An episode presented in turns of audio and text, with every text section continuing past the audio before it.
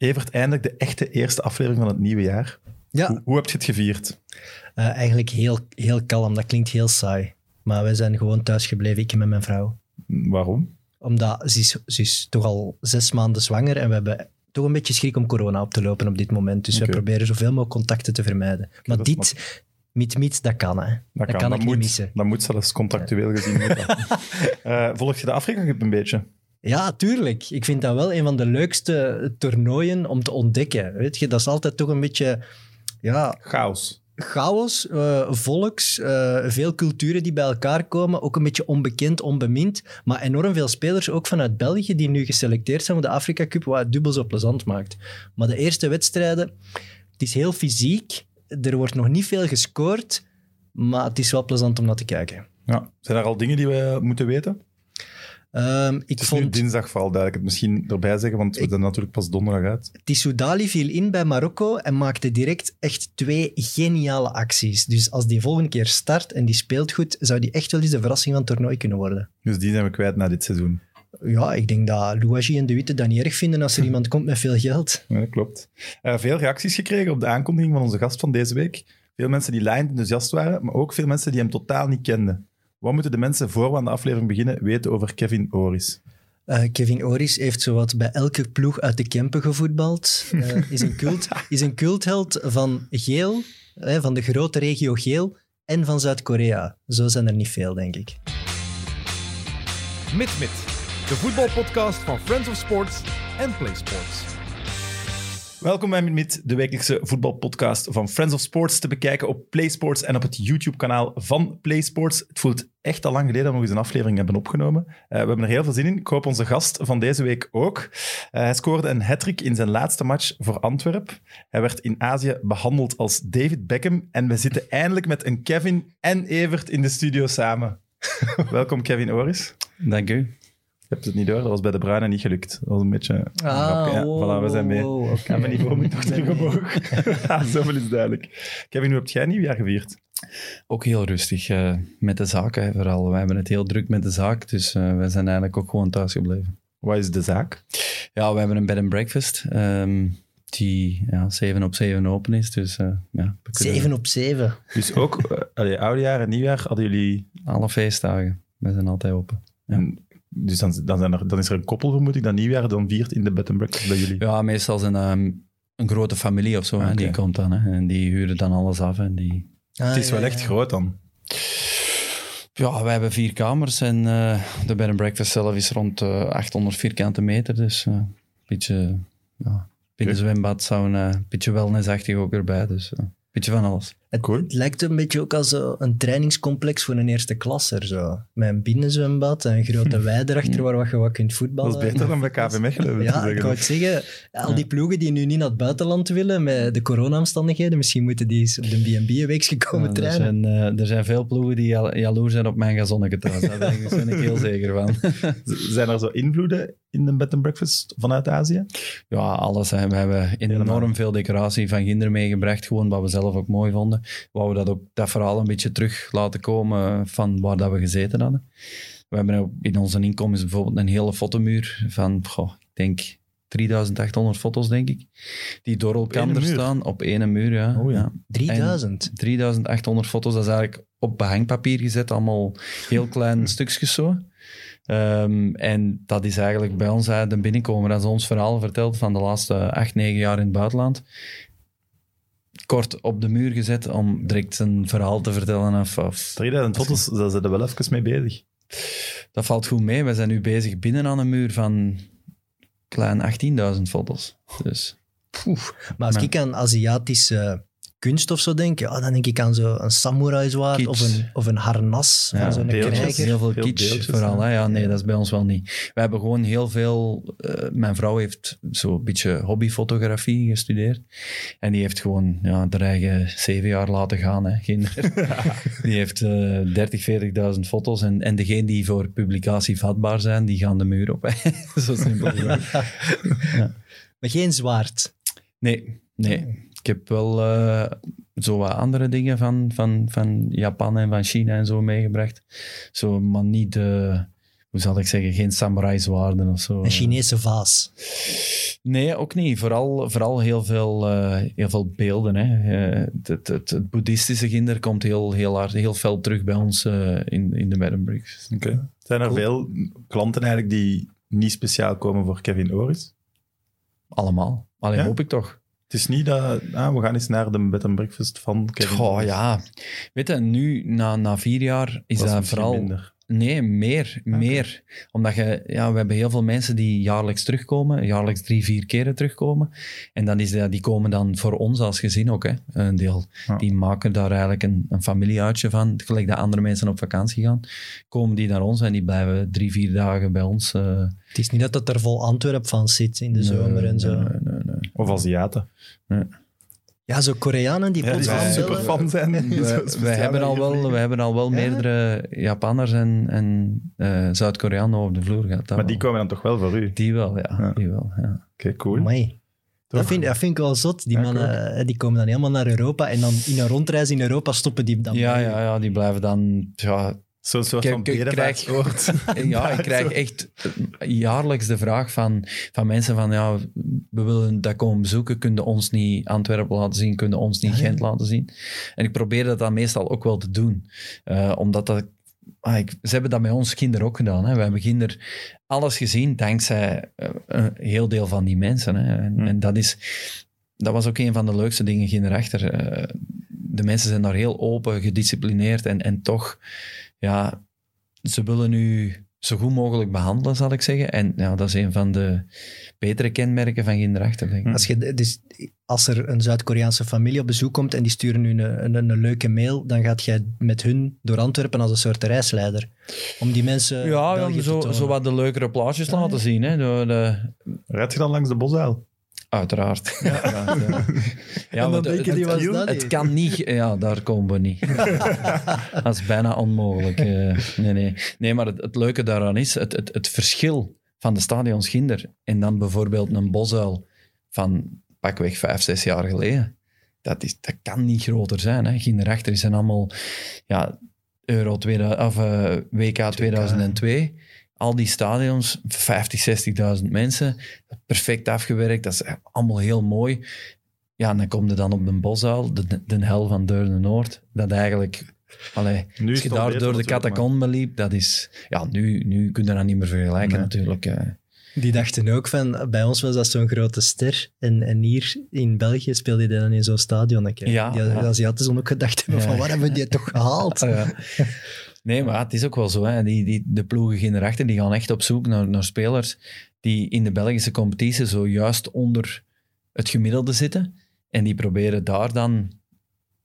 Allee, en mijn geluk is altijd geweest, ik, ben, ik was geen speler in, voor de Belgische competitie, zeg ik altijd. Ik, in België Nee? moet je... Nee, ik vind, vind dat niet. Dat is ook de reden dat ik in tweede nationale ook veel beter mijn, mijn weg vond als Maar wat als is dan de speler voor, voor de Belgische competitie nu ook? Tja, ik denk in de, in de in de eerste klasse in België moet je vooral ook gewoon het, het gegeven rond het voetbal ook en, en mee uitgaan en mee dit en dat en doen aan die chique auto altijd mee rondrijden. Dat hangt zo wat in die Belgische competitie gewoon wat samen. Ja? Ja, ik vind dat wel. Oké. En als zou je er dan- als type spits op het veld dan, Dat wel. dat zou, dat zou wel. Dat wel. De ideale spits misschien Ja. zelfs voor het voetbal toen in eerste klasse. Ja, ja dat wel. Groot, sterk, scorend vermogen. Mhm.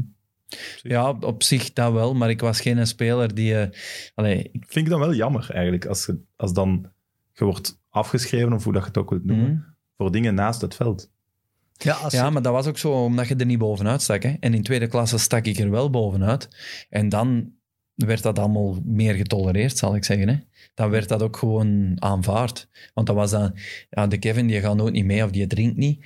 En dan werd dat niet echt... eh, Ja, hoe zal ik zeggen? Daar werd dan niks van gezegd, omdat je in het weekend stonden er en maakte er twee. Of, en dan werd daar niks van gezegd. Maar als je in eerste klasse en je zit op de bank, ja, je wordt zo niet meegetrokken, hè, constant. En, en dan, dan valt er zo wat naast. Ik was toen ook nog jong, hè. In, in Bergen, Roeselare was ik 20, 21. Hm. Ja, dat was... Ik kwam toen ook van vierde klasse, hè. Ja, nee, dat is waar. Van bevordering, hè. Dat was iets... Daar gaan we het zelfs zeker nog over hebben, maar ik vroeg me af, speelt je nu nog voetbal? Ik voetbal nu nog, ja.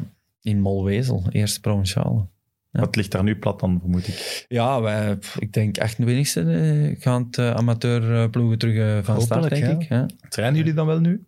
ja, wij trainen gewoon door. ja. Zeker. We hebben eigenlijk gewoon altijd blijven doortrainen. Eh, ja, we hebben eigenlijk ook iets naar uit te kijken. Hè, want we staan eigenlijk eerste samen eh, met de gelijke punten, maar we hebben een wedstrijd minder. Dus ja, normaal gezien eh doen wij mee Titelrace. voor de titel eh, dit jaar ook. En Op hoeveel goals staat al? op zeven. Oh, zeven. voor Kevin Oris. Ja, ik Te weinig, point, te weinig. point doen. Ja, ja, ja klopt. Een stu- een stuk te- een, heel, een heel stuk te weinig, maar wij, we, zitten, we zitten in een ploeg die, die eigenlijk rendeert door, hoe zal ik zeggen, door, door echt een geheel te zijn. En er zijn bepaalde dingen die ik geleerd heb in mijn carrière, vooral ginder, dat soms moeten wij ten dienste van de ploeg stellen. En wij hebben nu ene die een beetje rondloopt, die, die wat vergeten wordt, maar die heeft er wel 18 al, al binnenhangen. Dus En jij leidt, jij leidt af en hij kan scoren. ik ben eigenlijk degene die een beetje de oorlog maakt en hij loopt daar rond eh, en dat, dat rendeert. Ja, maar als je in de provinciale reeksen eh, met uw naam afkomt, ja, iedereen weet dat je een goalgetter bent. Dus ik vermoed Ja. ook dat elke ploeg zich instelt op het afdekken van u. Ja, dat is Ja. elke wedstrijd opnieuw. Het zijn twee rugzakken, hè. dat gaat het. ja, dat Maar ja, is... oké, we moeten het ook niet overdrijven. Zeven doelpunten bij januari is ook niet... Is oké. Is oké. Ja. Ja, en je bent ook niet meer... op 15, dat is niet slecht. Hè. Nee, nee, het is dat. Ja. En dus, ik ben al 38. Ja, ja, voilà. Dat, is waar. Dat scheelt ook wel waarom, redelijk. waarom voetbalt je eigenlijk nog? Goh, ik, ja, liefde voor het spelletje, denk ik. Oké, Dat is echt... Je kunt dat niet missen. Je kunt dat niet missen. Als, mooi. allee, als, mijn, als mijn vrouw moet zeggen, nu is het echt tijd om te stoppen, dan... eh, dat Tijd om te scheiden. dan, dan wordt er toch serieus over nagedacht. Wat me wel opviel, eh, op zeer jonge leeftijd al, al bij acht ploegen gezeten. Ik ga ze opnoemen, voor u 20. eh Zwaneven, hoe Mhm. zeg je dat? Ja, Zwaneven? klopt. Zwaar, Oké, ja. voilà. Turnhout, Tiele, Tiene, Lierse, Westerlo, Ole, Lira, Sint-Niklaas. Klopt. Voelde jij u nergens op uw gemak? of- Nee, nee. Het is vooral omdat mijn ouders hebben altijd in de, in Ah. de jeugd, in mijn jeugdjaren, heel veel verhuisd. Ah, oké. Dus ik ging ik constant ja, mee naar waar dat ze gingen wonen natuurlijk. Hè. Maar waarom verhuizen die zoveel? Was dat voor hun werk? Of? Nee, mijn, mijn vader die had er een, eh, een henneke van aan van een, een grond te kopen, daar een huis op te zetten en twee jaar later dat te verkopen en dan weer ergens anders. Die bouwde graag. Die bouwde graag, ja. Oké. Dus en, ja, wij zijn dan altijd meegegaan, zal ik zeggen, met... eh, Heeft dat, heeft dat een nadeel gehad voor je voetbalcarrière? Nee, Want misschien als je langer bij Westerlo of Liers in de jeugd had gezeten, Nee, zou ik dat misschien als niet. voetballer beter ontwikkeld. Nee, heel verre van zelfs. Want je leert je plan trekken. Hè? Ja, dat is ook de reden waarom dat ik in Azië het zo goed kan, zo goed kan aarden. Omdat je, ja, je weet, je- ging ik in Azië ook van, van het ene jaar naar het andere jaar. Moest ik verhuizen of naar een ander land. Of, dat maakt dan allemaal niet uit. Hè? Dan, dan, Maar de jeugdopleiding van een Ole is niet zo goed als die van Liers. ja, maar waar- als je spreekt over Ole, allee, buiten Zwanenveen, Tiele, Turn, uh, Turnhout, Tiele, Lierse, dat waren de jeugdploegen. Al de rest waren al eerste ploegen. Hè? Ah, oké. Tongerlo, eh, Tongerlo, AC Ole, ehm, Lira en Nieuwerkerk. Dat was al vanaf Ik mijn dat hij tot zijn 16. 20 in de jeugd had gespeeld. Vanaf mijn 16 zat ik in de Ik eerste ik ploeg. juist zeggen, hij was dat wel heel snel in een eerste ploeg dan. hè? Ja. Dus Waar, gaat- waren jij altijd aanvaller wel? Altijd, ja. Ja, ik ben begonnen als middenvelder, aanvallende middenvelder, maar dan vrij snel overgeschakeld naar... eh. Maar is er dan in, als je op je 16 in een eerste ploeg komt, eh, en, en je hebt, is er dan niemand die al gezegd heeft, al sneller van, ah, die heeft wel een talent, dat je al sneller op een hoger niveau zou instromen? Want je hebt er wel lang moeten over doen, van vierde, derde, eerste, Maar een bewuste keuze. dat je sneller Dat is een grotere keuze, want als ik van Lierse naar Westerlo ging, door de verhuis eigenlijk, want dan zat ik in Lierse gebleven, door de verhuis kwam ik in Westerlo met een Kevin van den Berg en ik werd zo doorgestroomd naar de reserve van Westerlo. Maar dan was dat zo'n keuze, Kevin van den Berg met zijn naam en op een gegeven moment had ik het gewoon gehad. Ik zeg, ja, nu is Met het genoeg. ga- En die legden er ook wel En veel die legde er ook wel wat bij. ja, zijn vader was daar toen ook, dus Ja. dat, dat scheelt natuurlijk ook. Ehm, maar ja, ik legde de, dat, dat jaar ook heel veel binnen, maar daar werd zo niet echt... Ik zou nogthans denken dat je een complementair kunt zijn. Ja, zeker. Ja, zeker. Ja, ja. maar dat werd niet getest dan. Mm, Nee, maar hij, hij is ook ouder als ik, hè. Ja. Dus daar heb je de keuze gemaakt, ik ga terug een niveau lager, direct naar een eerste ploeg en we zien dan later Ja, wel. ik ben dan op 15, oh, 15 en 6 maanden, denk ik, ben ik met de winterstop vertrokken naar, naar Tongerlo. Met het idee van, ik ga... Ik wil in december, als ik verjaarde, wil ik eh, in de eerste ploeg staan in Tongerlo. U 16. Ja. Ik vind dat wel straf dat je... dat- Je werd wel vroeg rijp dan. ja, Ja, ik, ik- ben altijd heel groot geweest en vrij struis gebouwd geweest. Dus ja, dan, dan zijn ze sneller... maar het profvoetbal is dan wel heel ver weg, toch? Daar denk je... Ja, maar daar heb ik echt leren voetballen. Daar heb je leren incasseren. En dat is heel belangrijk, vind ik ook. Want het is... Ik zeg dat heel dikwijls. Ik krijg heel dikwijls de vraag van, van ouders, van spelers die bij mij spelen. Die zeggen van, ja, wat moet ik doen met de, met de zoon? Ik zeg, zorgen dat hem voetbalt. Op welk niveau dat dat is, dat maakt niet uit. Ze komen hem wel aan. Als hem echt goed genoeg is, dan komt dat toch wel naar boven. Ja. En als dat dan eerste provinciaal is, hè, want ik speel nu in eerste provinciaal, die jongens die vallen juist naast de ploeg bijvoorbeeld, die kunnen veel beter in tweede provinciaal in de eerste ploeg een heel jaar spelen. Dan gaan die meer stappen maken Ja, dan ja, dat ze... ja. Dus, maar de, de stap die jij hebt gezet is alleen maar gekomen omdat jij één waanzinnig jaar hebt gehad, toch? Bij Meerhout, dat je waanzinnig veel goals maakt. Als je dat, 35 doelpunten in 27 wedstrijden. als je dat, zo'n, zo'n jaar niet hebt, komt er uit eerste of tweede klasse toch niemand kijken op dat niveau. nee, Je hebt nee, dat wel klopt. nodig. Nee, ja, is dat tuurlijk, tuurlijk, uitzonderlijk ja. seizoen. Je, je hebt dat altijd nodig. Hè? Maar langs de andere kant ook, als je... Het, die stap dat ik gezet heb, is een stap die niet e- heel evident is. Want je gaat van vierde, van bevordering toen was dat, naar eerste klasse. Ja, dat, zijn, dat is een stap die, Die weinig, niet vaak gezet is. weinig ploegen aandurven. Ook al. om maar een ik ging speler dat- zo te gaan halen. vragen. Kende je iemand van Ja. vierde naar eerste? Ik ken niemand. Van derde naar eerste een paar. Ja. Maar van vierde zonder tussenstap. Ehm, ik, de enige naam waar ik voordat ze in direct opkwam was Seth de Witte, denk ik. Die is van Wilrijk Ja. naar Lierse gegaan. Dat is al dat ik Maar direct dat Lierse kon toen in opkomen. eerste? Ja. Ja, oké. Ehm, en ja, iedereen kent Thomas Meunier. Ik denk dat hij van derde klasse denk ik Derde, ook. kwam. Virton, nee. Ehm, en, maar veel meer ken ik er Nee, eigenlijk nee, nee. niet. nee. Het is, dat, is, dat is heel moeilijk. Hè? En als je weet, als ik toen dat jaar van, van vierde naar eerste ging, kwam ik in Roeselare terecht. En de derde match dat wij speelden, moesten wij naar Nicosia Europees gaan spelen. Dat is op Dus dat twee was maanden echt- tijd van vierde dat klasse was naar echt Europees. die klik maken. En, en ik stond toen direct ook vast in de ploeg. En de thuiswedstrijd scoor ik. En de uitwedstrijd niet, dacht ik. Maar, allee, dat is... je- Dat is toch crazy? dat, ja, je kunt Van dat niet vatten. Hè? Maar ik blijf je toch een paar keer in wang. Jawel, jawel, jawel. Ja. Ja. dat is, ik zei nog, want toen dat die transfer allee, doorging, zal ik zeggen, toen, toen zei ik tegen mijn vader, mijn vader zei op een gegeven moment tegen mij van, zeg, jij, je weet toch dat je volgend jaar Europees gaat spelen? Maar ik ook Zeg, wel raar vind eigenlijk. Roeselaar Europees. Ja, Fair Play beker was dat toen, hè? Die zaten via de Fair Play beker. Ja, Daar, ja. gaven, daar gaven wij een Europees ticket aan, hè, Ja, ja. aan de Fair Play Beker. Tijden Maar zijn veranderd. Nee, nee.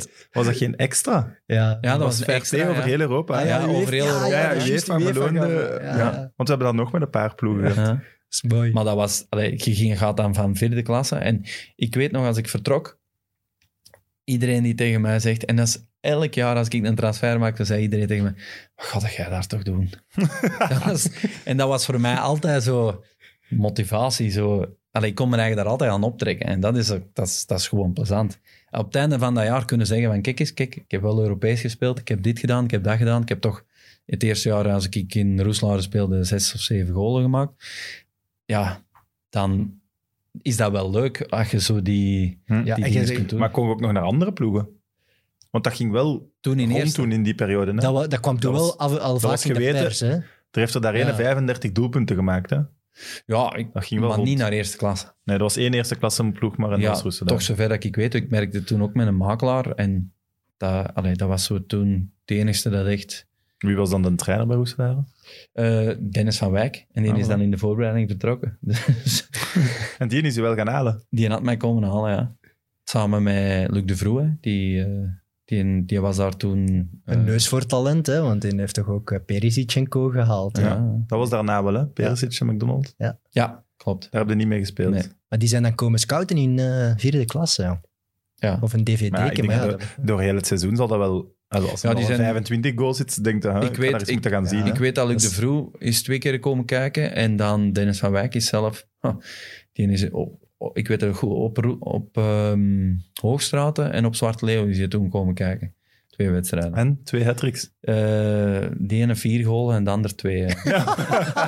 Redelijk. Ja, maar eh, dan dacht hij van mij, wat, wat gebeurt er hier? eh, Die ja, dat die, die wedstrijd op Hoogstraat, dat was dan nog echt... Dat was een ongelooflijke belangrijke wedstrijd voor ons toen. En wij stonden 3-0 achter met rust. En wij winnen die wedstrijd met 4-3. En ik scoor daar drie keer in, de drie laatste golen eigenlijk. En, en dat was echt zo, ja, euforie tot en met, omdat wij toen eigenlijk in een, in een periode zaten dat wij zo juist niet genoeg was om, om die wedstrijden altijd naar ons toe te trekken. En ja, dan gebeurde dat weer wel. En dan zijn we eigenlijk voor de rest van het seizoen weer, weer een deel vertrokken geweest. Kunt je dat leren eigenlijk? Golen maken? maken. Dat is toch iets wat gezegd wordt, dat heb je of dat heb je niet. Is dat trainbaar? Ja, ik weet niet. Ik denk dat uw traptechniek voor een stuk trainbaar is. Nee? Traptechniek is stijnbaar. Neus voor goals in de zin van de plaats staan wat je moet staan. Dat denk ik niet dat dat echt trainbaar is. Ook niet veel matchen spelen, dat je daar beter in wordt. Dat ook niet. Dat wel, ik denk wel dat je dat kunt verbeteren. Maar dat is, vind ik, een beetje hetzelfde als tegen mij zeggen van ja, nu loopte jij de 100 meter in, in 10 seconden, dat ga ik nooit niet kunnen. Of in 9 seconden, dat ga ik nooit niet kunnen. Ik ben, ik ben geen snelle Blijven trainen. spits. Ja, maar zelfs dat niet. Ik heb nog, mijn vader stuurde mij in het tussenseizoen naar de atletiekclub voor startsnelheid en, en reactiesnelheid. Dat was niks gekort. Dat kun je niet... Je werd alleen maar Nee, trager. Ja, ja, dat is- maar dat is ook zo. Ik, ik, ik ben nooit geen... Maar, en dat is mijn geluk altijd geweest. Ik wist wat ik kon en vooral wat ik niet kon. En die dingen die ik niet kon, die heb ik gewoon zo weinig mogelijk gedaan. Maar je kunt met- altijd... Je kunt met links en met rechts en met je kop een goal maken. Ja. Ja, dat is, op zich is dat een van de belangrijkste kwaliteiten die er is in een voetbalploeg. Ja, voor een aanvaller toch, ja. En, en buiten de 16 ook? Of nee, echt in de box, ik, kon, boom, boom? Allee, ik, had, ik heb een, een, een deftig afstandsschot altijd gehad. Zowel links als rechts. Maar vooral, ik was, allee, ik was constant aanwezig in de box. eh, oorlog maken. En ja, die bal viel aan. Het waren mijn goals zijn niet altijd de mooiste goals geweest. Dikwijls ook zomaar vechten en, en, en hem dan toch goed laten vallen. Czerniatinski, zo, dat type. Ja, ja. Ja, maar ik, ik denk, dan, ik, denk nee? dan meer, ik denk dan meer zo wat color. Ja, Ah, ja, dat zou ik ook eerder denken. Maar die kon ook wel echt goed voetballen, waarmee Die ik niet wil zeggen nee, dat jij nee, dat niet kunt. Maar ik wil toch wel zeggen, voor Nee, de mensen maar- die hem nooit hebben zien spelen, dat was niet gewoon een reus die de Nee, nee, die, komt, had, niet. technisch gezien had hij ook redelijk wat bagage. Maar die heeft er hard aan gewerkt, hè. Ja, dat klopt. zegt ook iedereen. Ja. En Luc Nielis heeft hier ook gezeten en die zei wel, hij een traptechniek in zijn jeugd dan wel links, rechts tegen een murke, zijn vader die er heel veel tijd heeft ingestoken, was dat dan bij u ook? Eh, als ik de, de verhalen vertel, hoe mijn vader mij vroeger behandelde, in de zin van, dat heeft mij altijd heel beter gemaakt, maar allee, mijn moeder heeft zo honderd keer tegen mijn vader gezegd, stop er nu mee, je zit te ver aan het gaan. Maar ik liet dat ook toe. Ik heb bijvoorbeeld een andere broer die kwalitatief veel beter is dan ik, maar die niks karakter heeft of die dat niet kan opbrengen.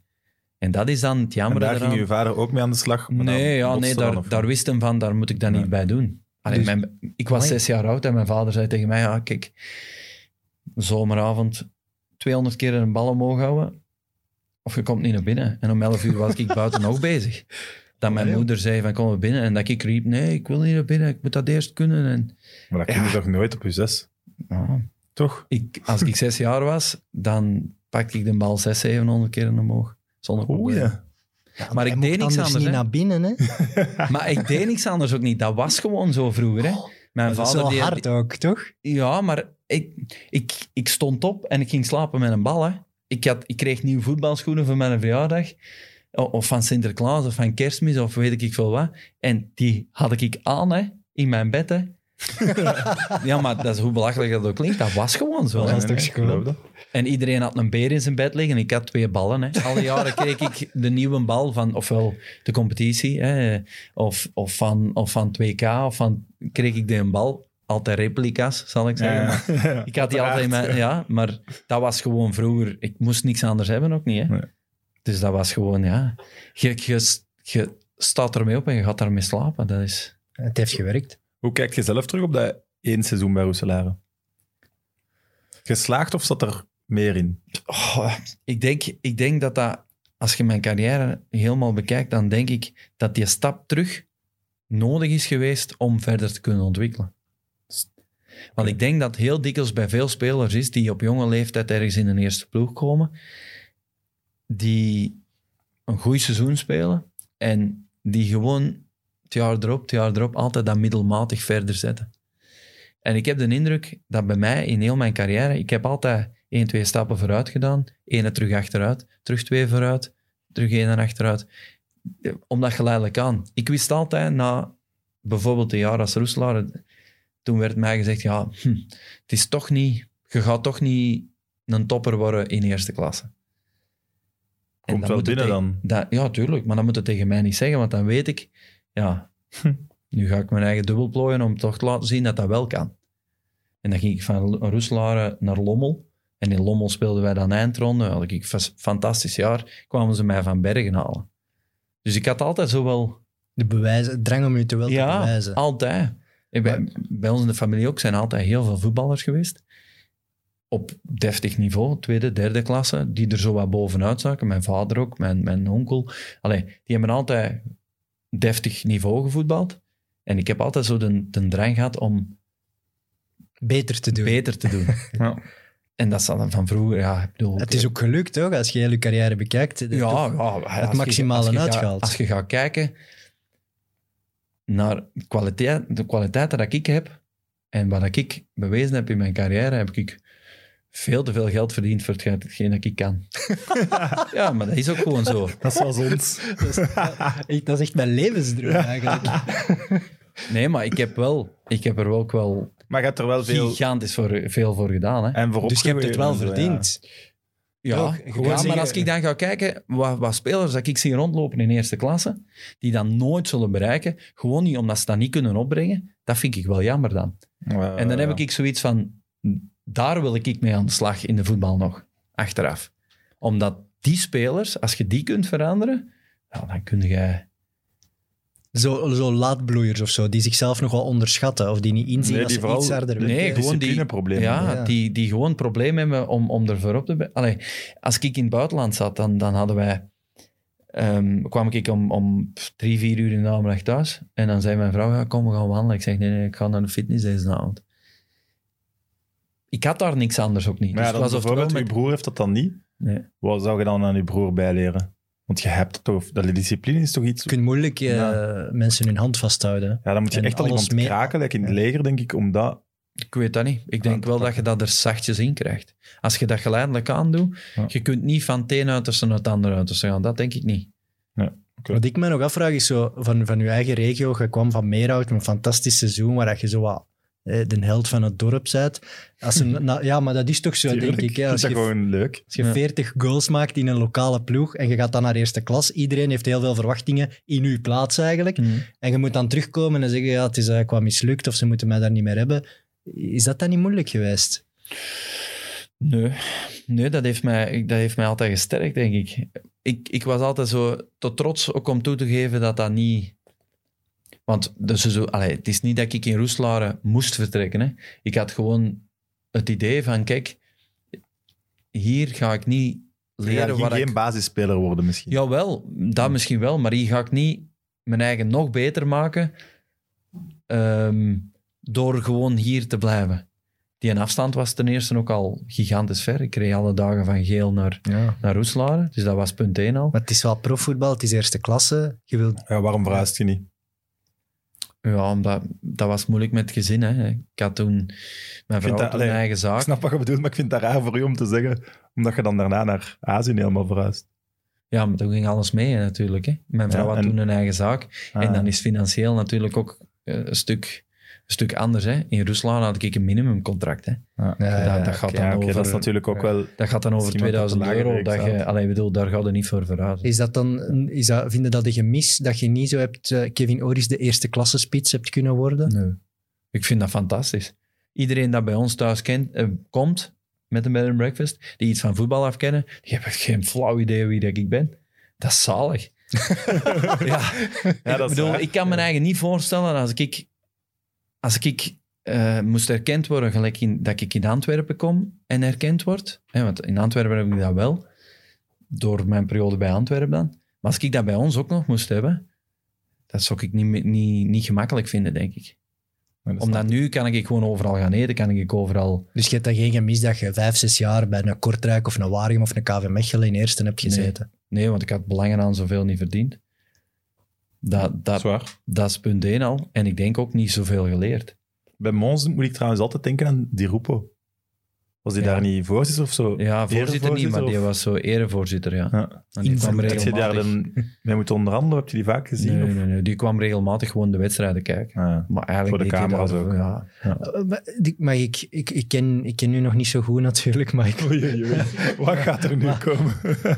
ik denk ook nu, ik bedacht het me net nu dat we erover bezig waren, waren Roeselare en Bergen nu niet gewoon twee clubs die misschien niet pasten bij wie jij bent? ja, en ook Hmm. te ver. ja, klopt. Als je zegt dat je niet verhuist, Nee, klopt. juist te twee verre, denk ik dan. Ja, nee, maar weet je, dat zijn de mogelijkheden eh, heden dat je dan op die momenten krijgt. Hè? En toen dat ik Roeselare kreeg, speelde ik in vierde nationale. Ja, elke shotter van toen op dat niveau, die zou zeggen, ja, ah, we zijn weg. Al, allee, als het toen tegen mij gezegd, eh komt gratis, dan had ik gratis komen shotten ook. Ja. Allee, ik bedoel, en dat is heel mijn carrière zo geweest. Maar eigenlijk had een Westerlo of zo denk ik wel beter voor u geweest. Ja, ja Lokeren? klopt. Maar, maar in, ja. in, in, in Westerlo, allee, daar had ik niet echt zo de band mee, gelijk dat het had moeten zijn. Die Maar, hebben, later in mijn carrière hebben die regelmatig aan de deur nog komen kloppen. Maar ik ben dan ook altijd te trots geweest. Ja? Want dat zijn toch andere mensen toen- dan? Ja, maar dat, dat, Ja, dat maakt voor uit. mij niet uit, nee. Oké. Antwerpen eh vist u trouwens op. Mons, was dat blijven een optie of totaal niet? Mons Ook was weer blijven, ja, Eigen ja. keuze. was, eh, was, blijven was zeker een optie. Die waren gezakt naar tweede nationale toen. En die hadden ook ambitie om daar kampioen te spelen. Maar toen op een gegeven moment eh belde eh Karel Gerards en Eddie Wouters mij voor, voor Antwerpen. Ja, ik bedoel, dat is bij ons in de geburen, is dat in tweede nationale, als je daar mocht gaan voetballen, ja, dat was altijd de, de hel, hè. aantrekkingskracht. ja, de aantrekkingskracht van, van die fans en van die... Dat was zelfs vooraleer dat ik voetbalde, was dat al zo. Hè. Ik, ik, ik kan me herinneren dat ik daar dat ik met Nieuwkerken nooit gevoetbald heb, eh, in de voorbereiding. Dat ik daar eh, met Tielen nooit gevoetbald heb, op de jeugd dan. Dat, was altijd ja, Dat iets magisch. ja. hè? Iets magisch. Want als je daar in dat stadion kwam, dat was... Ehm, dus ja, dat was voor mij... Je kon geen nee ben zeggen. ik daar ook nog geweest. eh. Je kon geen nee zeggen. Nee, dat, Nee. dat was gewoon... Want Maar je die- komt wel, ja, die- zeg maar, Nee, nee, ja, je komt in een, in, een, in een moeilijke periode van die club. Die club die zat toen al x aantal jaar in tweede klasse, had een zeer eh, volatiel beleid. hè, Alles de kon triestigste periode uit de geschiedenis zou ik het graag willen omschrijven. Donkere, donkere periode. Eh, Er was, er was veel potentieel, maar het kwam er niet uit. En elk jaar opnieuw zochten ze tien spelers die dan toch maar moesten kampioen Ja. worden. Maar dat was nooit, of te nooit voelbaar door de spelers van de club. Nooit. In de zin van, wij hebben altijd netjes ons centen gehad. Altijd wel te laat. maar altijd wel netjes ons centen gehad. Een maandje te laat. netjes genoeg? Ja, soms, eh, soms was dat eens twee maanden te laat. En dat was altijd zo het idee van, goh, het zou kunnen zijn, maar dat was altijd opgelost. Als echt het probleem er was, was dat altijd opgelost. Oké, dat is niet helemaal netjes uw centen, maar ik snap wel wat je bedoelt. Ja, het is nooit Je geraakt in die flow, gegaan. was het altijd zo. Ja, weet je, als je, als je, je één keer, keer twee dubbel maanden te laat krijgt, en dat volgt dan elke maand gewoon op, ja, dan blijft het eigenlijk gewoon hetzelfde. Ja. Ik bedoel, als je nu... dat is waar, Ja. ik snap wel wat je bedoelt. Je Uiteindelijk is dat gewoon op het einde, op het einde van, van de rit, krijg je gewoon één maand langer je pre, zal ik zeggen. Dus uiteindelijk was dat, ja... Ik, maar ik heb ook nooit niet, ik heb ook nooit niet gevoetbald voor, voor alleen die centen. Dat heb ik ook nooit niet gedaan. Maar Ja, dan- je zei, dat is toch iets wat je nu al een paar keer gezegd hebt. Ik heb wel veel verdiend. En Ja. als ik daar die keuze had gemaakt, had ik nooit zoveel verdiend. Dus onbelangrijk is het toch ook niet Nee, geweest? Waar ik ook niks mis niet. mee vind. Nee, tuurlijk niet. Tuurlijk niet. Maar ik, ik, ik heb in de week de discussie met mijn vader nog gehad en die zei tegen mij, als jij zes jaar, vijf, zes jaar was, het eerste wat jij tegen mij zei van, ik ga ooit in het buitenland voetballen. Dat was het eerste dat ik vroeger zei. Ik wil voetballen. Profvoetballer worden. En dan het tweede was, ik wil in het buitenland voetballen. Roeselare is een beetje buitenland. Hè. Ja, dat kan, ja. ja, in Bergen ook. Hè, Ja, dus- nee. Maar dat was, ja, dat is gewoon altijd een kinderdroom geweest. En inderdaad, ik vind wel, als je die stap dan zet, moet dat wel Ja. nog van hand zijn. Want je kunt niet heel je gezin... Mijn vrouw had een, een bloeiende zaak. Ja, je kunt dat niet achterlaten als daar niks tegenover staat. Want in, in, maar die, die drie jaar Antwerpen heb je wel drie jaar geprobeerd te promoveren, maar het was een periode waarin het totaal... Allee, dat was eigenlijk onhaalbaar, toch? Zeg, Van- zijn, zijn jullie zelfs ooit in de buurt gekomen? nee, denk ik. hè. Het eerste jaar, hè. Het eerste eerste jaar, hebben we eindronde gespeeld. En die hebben we dan ja, verloren. Maar ja, dat was... Maar toch Ja. blijfde jij daar graag gezien, een soort van cultheld. Hè? Ook heel veel Antwerp-fans die reageren op je komst naar hier. Dus Ja, ik zelfs in die drie jaar dat je eigenlijk niet in, met Antwerp die ploeg niks presteert, heb je wel iets achter. maar hij wel, hè? Ik denk, Ja, ik denk bizar. dat dat ook voor, voor veel mensen... ehm, en dat is zo'n beetje de rode draad in mijn, in, in mijn carrière. Zo. Ik heb altijd heel, hoe zal ik zeggen, open en eerlijk naar de, naar de sporters geweest. Ik was ook altijd bereikbaar. En dat is ook mijn grote geluk geweest in Azië. Dat, dat zijn ze daar niet gewoon. En op Antwerpen, Antwerpen was dat ook niet. Je had er zo één of twee die dat wel deden. Maar ik was altijd bereikbaar. Dus na de wedstrijd bleef ik ook als laatste hangen. Ik ben ook twee jaar kapitein geweest op, op Antwerpen. Dus dat was altijd... Ja, hoe moet ik dat nu zeggen? Na de wedstrijd, winnen of verliezen, De bij de supporters, Ja. de chalet in en, en, of de socio in boven en met de sponsors. En ja, ik Ja. denk dat dat groot, grotendeels ook... eh, En zo met de figuur Eddie Wouters werken, was dat niet... niet zo daarmee onderhandelen alleen al lijkt mij een soort van theaterstuk. Waarom? Want dat wil ik aan u vragen. Ja, Eddie Wat moeten de mensen weten over Eddie Wouters, legendarische voorzitter van Antwerpen? ja, Eddie Wouters is, is, is niet alleen voorzitter van Antwerp geweest. Hij is een legendarische figu- figuur in het voetbal hè. Hij is zelf profvoetballer geweest. Is eh, Rode Duivel, denk ik, geweest. Selectieheer van de Rode Duivels geweest. Is een van de grote bazen van de kredietbank, denk ik, eh, geweest. Dus was Ja. ook een heel intelligente mens. Sponsor van Club Brugge, nee? Van, Kredietbank toen? nee, dat was, was de generale bank. Ja, Nee. Nee, dat was Ja. Anderlecht. Dat is Anderlecht, ja. Ehm, en dan eh, heeft Marilyn Monroe ooit ontmoet natuurlijk, want die is in Amerika gaan voetballen, in Amerika gaan studeren, ik denk in Yale, als ik Maar me hij is ontmoet. Eh, die heeft de aftrap gegeven van een of andere legendematch in Antwerpen. en Eddie Wouters was, eh, was kapitein van die ploeg. Eh, dat is en- ontmoet. En zo. dat is Ja, ontmoet. en dan de langstzittende voorzitter van Antwerpen geweest. eh, Wembley gehaald, hè, de finale van de Europa Cup. En dan ergens de touch verloren met moderne voetbal na het Bosman-arrest. En die ploeg is in verval geraakt onder zijn bewind. Ehm, en die zat daar al tien jaar in tweede klasse, eh, een beetje te foempen. De Bosuil was ook ouderwets geworden. En ja, Eddie Wouters was nog wel de machtige Eddie Wouters, maar kreeg het niet meer recht. Nee, kreeg- En ja. iedereen zei dat onderhandelingen met hem iets van het allermoeilijkste was. Dat hij gekke trucken bovenal, dat hij ook alles wist van zijn spelers. Dat lacht Klopt. gezegd veel. Ja, dat klopt ook. Ja. Als ik daar aangekomen ben van, vanuit Bergen, ik weet het nog, dat was eh, wedstrijd 15 augustus. En ik werd daar binnengehaald. Tibor Tiza werd toen ook voorgesteld. Ehm, en ehm, ik werd daar binnengehaald en we hadden onderhandelingen. Ze hadden dat al afgeroepen op de wedstrijd en ik had nog niets getekend. Dus ik had, er was nog geen akkoord, wij moesten nog onderhandelen, maar dat werd al afgeroepen Strategie. in de, voor de wedstrijd dat ik naar daar zou komen. Dus eh, wij moesten nog aan tafel gaan en ja, mijn manager zat dan bij mij en die zei van ja, we gaan eh onderhandelen, ja, nu kunnen we doorvragen, zegt hij. Ja, ik zou ook net denken, dat is in uw voordeel. ja, maar eh, niks was minder waar. Hè. Dat was ja nee, niet tekenen, was goed. En dus zijn we terug weg hè. en wij buiten. Telefoon en 20 minuten, 25 minuten later terug naar binnen. Nog eens daarover. En dan zo ja, vijf, zes keer over en weer. Die wedstrijd was ondertussen al bijna half, denk ik. Hm. Tegen dat het echt eh, officieel definitief rond was. Je kunt dat ook wel legend om zo te onderhandelen tijdens een match. Nou, die deed dat blijkbaar meer. Ja, ik zou dat ook zo doen, denk ik. Dus toch, kom maar in mijn loge, kijk maar naar de match Ja. en een beetje terwijl onderhandelen. En heel veel loge was dat De niet. hè. loge op de Bosal. Heel veel loge was dat Nee, niet. oké, dat is nu. Dat was, eh, daar, daar hing het eh, bezetsel dat van de muren komen was. En eh, daar hadden ze posters over gehangen en t-shirts over gehangen, voor dat niet te laten merken. Maar, nou, dat Ja, was dan dat. zou ik het misschien niet doen.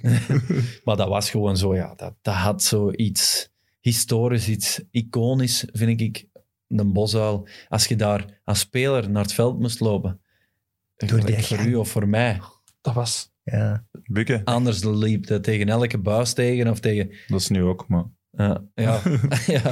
maar toen was dat... eh, En zo de, de uit- en thuisploeg die uit de verschillende kanten Ja. naar buiten moeten Ja. komen en dan elkaar ontmoeten. Ik vind Ja. dat, ja, dat, dat had wel echt iets. En hè. gewoon supporters die door die gang lopen. En, dat was gewoon normaal daar. Hè? Ja. Dus ja, Oké. Ja, want jij, allee, ik bedoel, je, je hebt daar met Pivaljevic gespeeld, eh, met Kemonge, met Tiza. eh, ik denk Emerik de Vries zat toen ook in een, in een heel goede periode. Ja, toch lukte het. Allee, toch was het... Ne- dat zijn toch goede shotters? Ja, ja, maar ik denk gewoon dat het, het extra sportieve voor veel spelers, gelijk, gelijk bijvoorbeeld een Benjamin Labo, die daar ook gezeten in het middenveld, die achteraf Tubize, Cercle Brugge nog gespeeld heeft.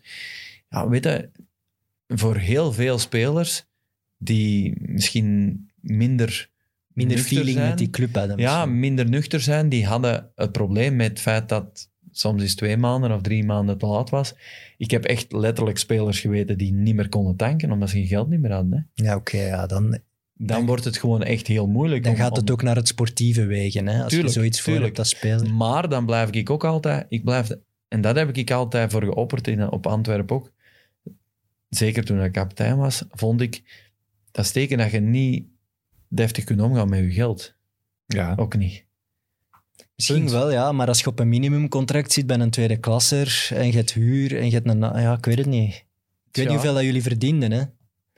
Inderdaad, er zijn jonge spelers die te veel geld uitgeven. Dat is zeker waar. Ah, ik, allee, ik bedoel, als je dan ziet wat, wat auto's dat er op de parking stonden, maar dat, dan, dat je dan juist die spelers die dan niks konden betalen van naft of... Ja, dan... had het gevoel dat sommige van die spelerskernen gewoon eigenlijk niet met promotie bezig waren. Ja, zeker, zeker met die extra, zo, extra Ja. sportieve dingen, ja, tuurlijk. Ja, dat is dan voor de supporters wel hard, hè. Ja, Want die verwachten dan natuurlijk op Antwerpen, dat is, die, elk jaar opnieuw moest je wel meedoen voor de titel. toch? ja, niet alleen dat, maar op Antwerpen was het bloed, zweet en tranen. Hè. Ja. Als dat er niet was, ja, dan werden echt... En jij voelde in de kleedkamer eigenlijk al een halve seizoen van ja, gaat hier misschien toch niet lukken en we zitten er wel mee. hè. Ja, ja. Dat is wel hard. Maar hadden jullie de meeste fans van de reeks? ja. Want ik hoor altijd van zo de Robin Pront, de Omar, zeg altijd, ik ging ook nog kijken in tweede klas. Blijkbaar was dat wel heel indrukwekkend. Er zat wel Ja, 5.000, ja. 6.000 man zeker, Vijf, hè, zelfs als het 6.000 slecht ging.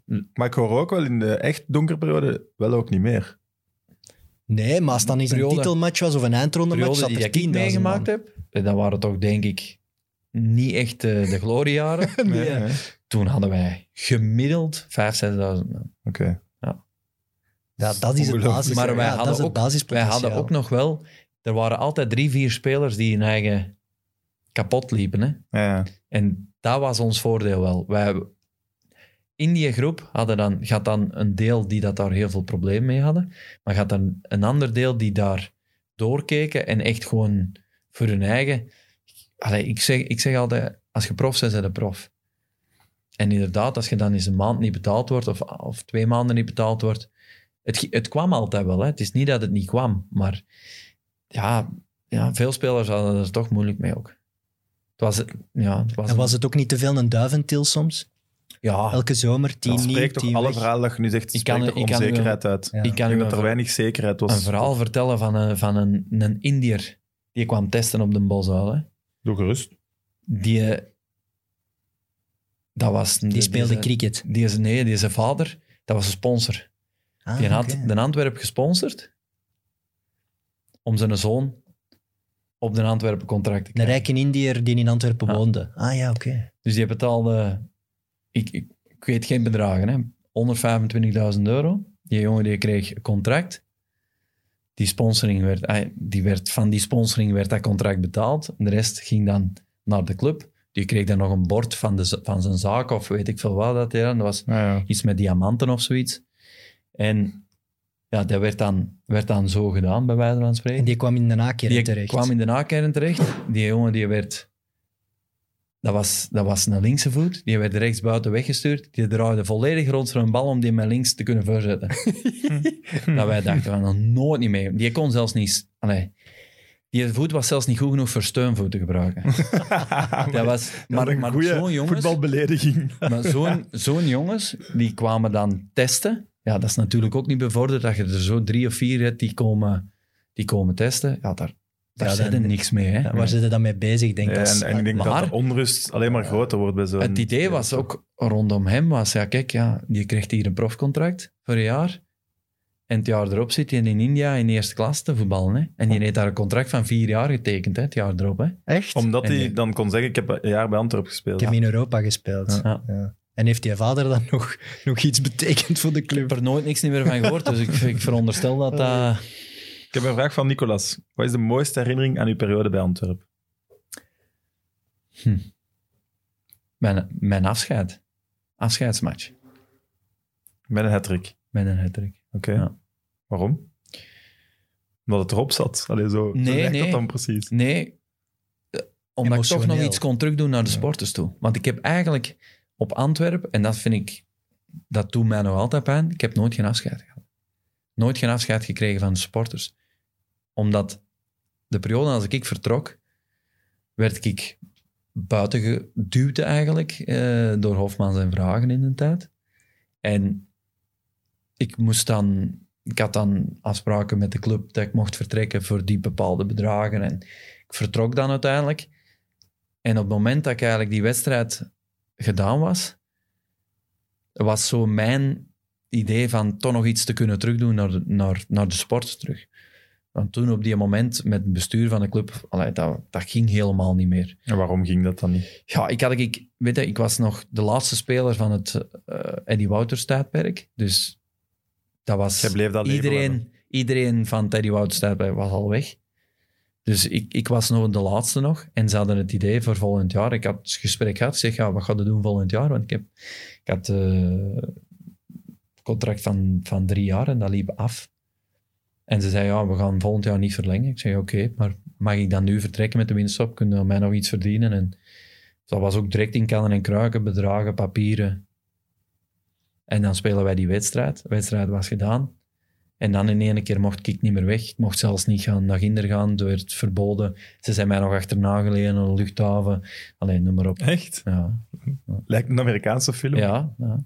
Maar Had je dat dan door op het moment zelf? nee. Maar wat was dan hun bedoeling? Want ze wilden toch van u Ja, af. ik denk als je een hat Ja, maakt op dat moment ook, niet meer, hè. Dat de Op dat moment niet van, meer, hè, want ja, oh, Ze hadden heel veel bang voor de, voor de reactie van de fans Ja, natuurlijk. Ineens, na al die weken van ruzie, ineens beseffen, shit, die is populair. Misschien moeten we die toch bij. Het probleem was toen- even droog misschien? Ja, Ja. Ah, ja, op, ja. op, op dat moment had ik, eh, denk vijf of zes scholen met de winterstop.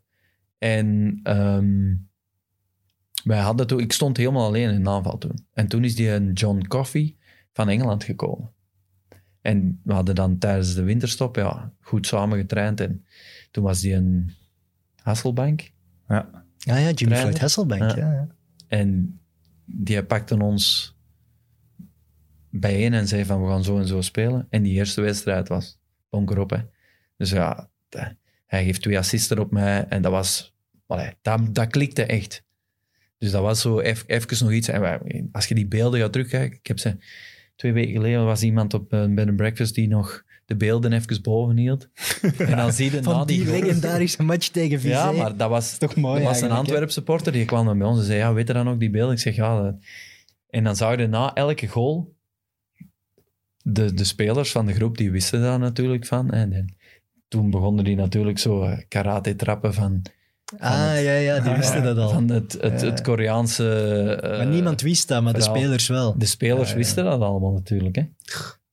Ja, ja ik, als je dan een hat maakt en, en zo, vol, allee, zo snel gaat het in het voetbal, dat een Hofmans dan ineens toch van gedacht verandert van oei, die scoort hier nu toevallig een hat Mhm. we moeten die bijhouden. Het zegt misschien weer veel over de visie achter het beleid Denk van een wel. voetbalclub. Hè? Maar voor u was het al point finaal, jij Ja, was ja, sowieso van ja, plan te ik, had, ik zoiets van... Denk Allee. eens als je de beslissing neemt Ja. om naar Azië te gaan, dat is zo, een, zo impactvol, ja. ingrijpend, dat je Ja. wel... Niet tegenstaande dat ik kinderen gekomen zijn, want de bedoeling was dat ik naar kinderen ging. Ging kijken of dat het voor de familie, want ja, Ja. als je tegen Ja, u zegt ja. van eh, je mocht volgende week in eh Azerbeidzjan gaan werken, je Laat toch ook maar. wel even... Ik ga even niet zelfs. Eens gaan Nee. kijken. maar ik, mijn eerste dingen was, ik wil gaan kijken dat het wel voor het gezin Snap ik. zeker in orde is. En of het wel echt is. En of, ja, maar dan komt de ginder. Ik kan u garanderen, ze stopten ons daar in een hotel waar geen bedden waren. Hè. Dus wij moesten op de grond slapen. Hè. Hoe dat? Ja, dat, dat was een traditioneel hotel daar. Dat was dus eigenlijk gewoon een, een, Een een matje vloer. zo. Nee, een vloer. En in die vloer was een gat in. Een vierkant in, zal ik zeggen, van 10 centimeter diep. En dat was verwarmd, met vloerverwarming. En daar lag een matje op. En daar moesten wij op slapen. En mijn makelaar, ik had een dag daarna fysieke testen, of, of medische testen. Dus ik zei, ja, nooit van zijn leven dat ik hier ga slapen, want dan zeg ik morgen Ja, ja. een wrak, hè, dat gaat niet lukken. En toen zei hij, ja, ja, maar ja, er is... wat wij toen op die moment niet wisten, dat was een weekend, een feestweekend ging erachter. Alle Alles vol. was volzet. Ja. Alles was volzet. Zijn wij in een luifmotel gaan slapen. Hè? Ik heb met mijn makelaar zo Ja, ja. 30.000 eh, won voor een nacht betaald, bij wijze van spreken, om dan daar in zo'n bed met een hartje boven te gaan liggen. Dat is... Allee. Ik weet niet Maar je hoeveel waart wel fit de 30.000 volgende dag. Ja, ja. Maar dan kreeg je zo in één keer die real- reality shock van, goh, het is hier min 15. Op dat moment dat wij daar aankwamen was het min 15. Alles Ja, is januari. grijs, eh, grauw. Er was niks te zien. Al het gras van alle voetbalvelden, dat zag bruin, hè. Zo bruin als die maat hier, hè. Maar dat was daar seizoensgras. Dus in het winter werd dat bruin, maar dat was veel steviger in de zomer dat dat tegen de warmte kon. eigenlijk. Ja, Maar op die moment ja, je daar geen, geen enkel idee van dat dat zo is. Dus wij kwamen eraan. Ik, je ziet dan foto's op het internet van dat is daar en dat is daar. Maar je komt daar in de reality en dat is daar totaal niet zo. Ik heb op een gegeven moment naar huis gebeld en, en tegen mijn vader gezegd van kijk, eh, morgen ben ik terug. Eh, of overmorgen ben ik terug. Dat ga je niet door, want dat trekt hier op niks. Bel dan maar naar die Wouters dat ik terug ben. Allee. Nee. Tot op de moment, s'morgens, die medische testen gaan doen. Ik moest dan naar het stadion komen. En eh, komt dan in dat stadion. Dat was ah, Euro, eh, WK 2002 stadion. Kom vijf- 50.000 man in dat stadion. Ja, Maar ja, het gras was bruin. nee, nee, nee. nee. Daar Dat was gecoverd, hè. Dus dat was echt volledig dichtgezet. eh, met van die verwarming boven. En ik zeg, ja, en het veld hier... eh, oh, wacht, we zullen eens even open doen. werd daar zo 15, 16 man opgetrommeld. Voor die een doek eraf te trekken. Dat was een, een biljart. Dat kun je niet voorstellen. Nee. U, uw makelaar was dan een Belg? Ja. Had hij nogal Ja. spelers naar daar gebracht? Nee, ja, ik was de allereerste, hè. Maar dus die ploeg heeft u dan wel effectief gevonden? Dat is niet dat uw makelaar. Zo gaan, Hoe gaan lobbyen is met nee, nee, dat is heel stom. Hè. Waren in, eh, wij moesten tegen Tubize spelen met Antwerpen en die waren een speler aan het volgen van Tubize. Die makelaar, dat was een Ja, Italiaanse dat is toch ook makelaar. veel, hè? En- dus komen scouten voor een andere speler en Ja, dan iemand Puur toeval eigenlijk. Ja, puur toeval, ja. Maar in, in mijn carrière is 80% van de beslissingen die eruit gekomen zijn gebaseerd op een toeval. Dat is altijd zo. Ik denk dat dat zelfs bij heel veel Dat spelers is constant Ja. zo. Want je Dat staat, kan niet anders. Stomme momenten die ineens een zotte impact hebben. Ja, Ja. je staat aan de andere kant van de wereld. In Zuid-Korea. eh, Je Je, ligt op de grond. je ligt op de grond, op een matting in een put. ja maar En, en, en een dag erna staat je daar in een gigantisch stadion. En eh, weten zij wie jij bent? Weten ze eigenlijk wie ze kopen? Ja, ja, want zij hebben de, hun, hun twee hoofdscouts zijn in België geweest om te komen scouten. Ah ja, oké. Ja, dus dat wordt via een makelaar was dat toen, eh, een Italiaan was dat toen. Die was die, die speler van Tubize aan het volgen. Ja, dat werd dan niks. Allee, hebben ze, allee, werd niks. Ze hebben dan die wedstrijd beslist van we gaan Kevin ook volgen. Zijn ze ons beiden blijven volgen. Ja, en dan uiteindelijk... Want dat was ook een spits. Dat was voor ja, hetzelfde ja, ja, positie. voor dezelfde positie, voor dezelfde ploeg. Hè. Amai. Ah, mooi. Zot toch eigenlijk. Ja. Eh Daejeon Citizen. Dejan Citizen, ja. Heb je het juist gezegd? Ongeveer, ja. Ja. Day, Day John. Dejan. Van de Daejeon.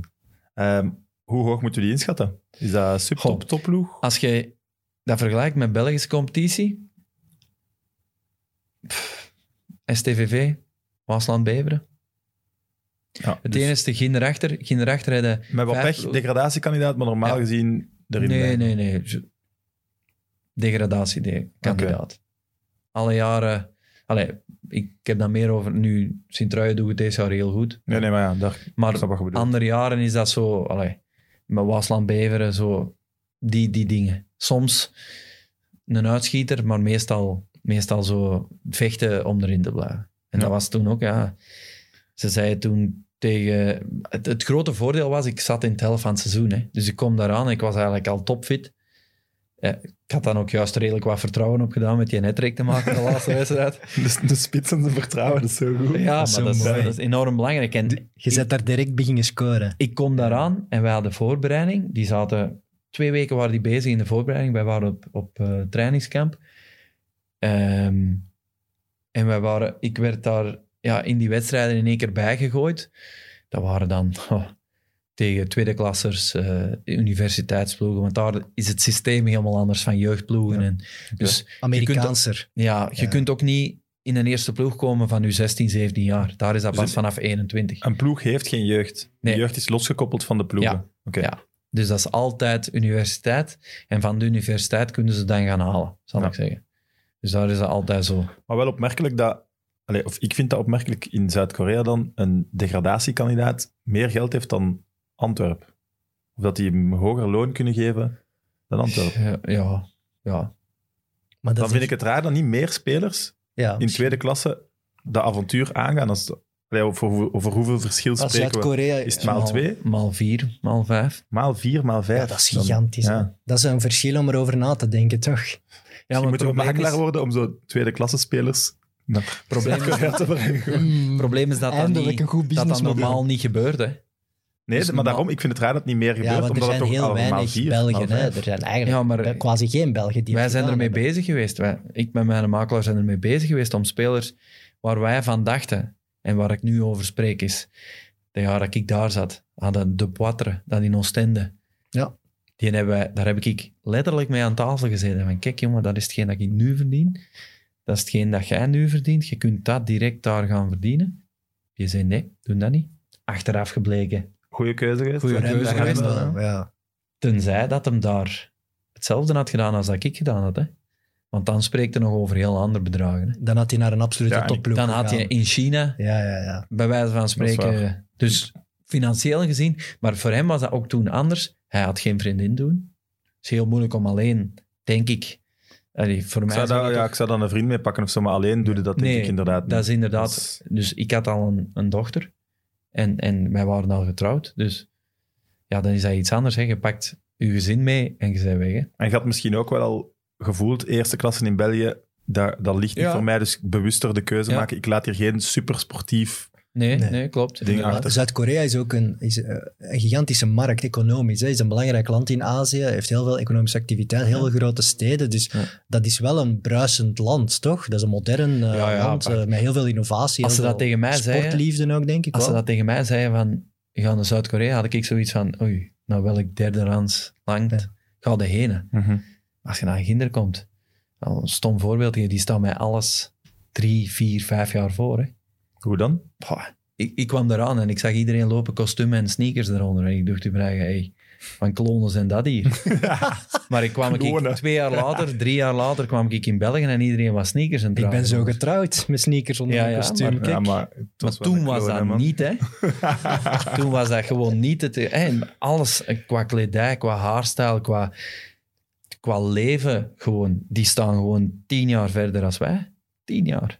Dat is zot. Gemakkelijk. Maar je denkt dan, ja, ik denk dan vaak aan de, de Japanse cultuur. Hè? Heel veel eh, lichten in de grote steden, die, die hoge snelheidstrein, hippe eetenten met Ja. sushi en zo. Is, dat, is het zo echt? Zuid-Korea is ook zo. Ja. Ja, ja. Maar misschien Ja. toch eens naartoe gaan eigenlijk. Dus eh, echt waar, als ik... Maar hoeveel procent van de restaurants zijn dan sushi bijvoorbeeld?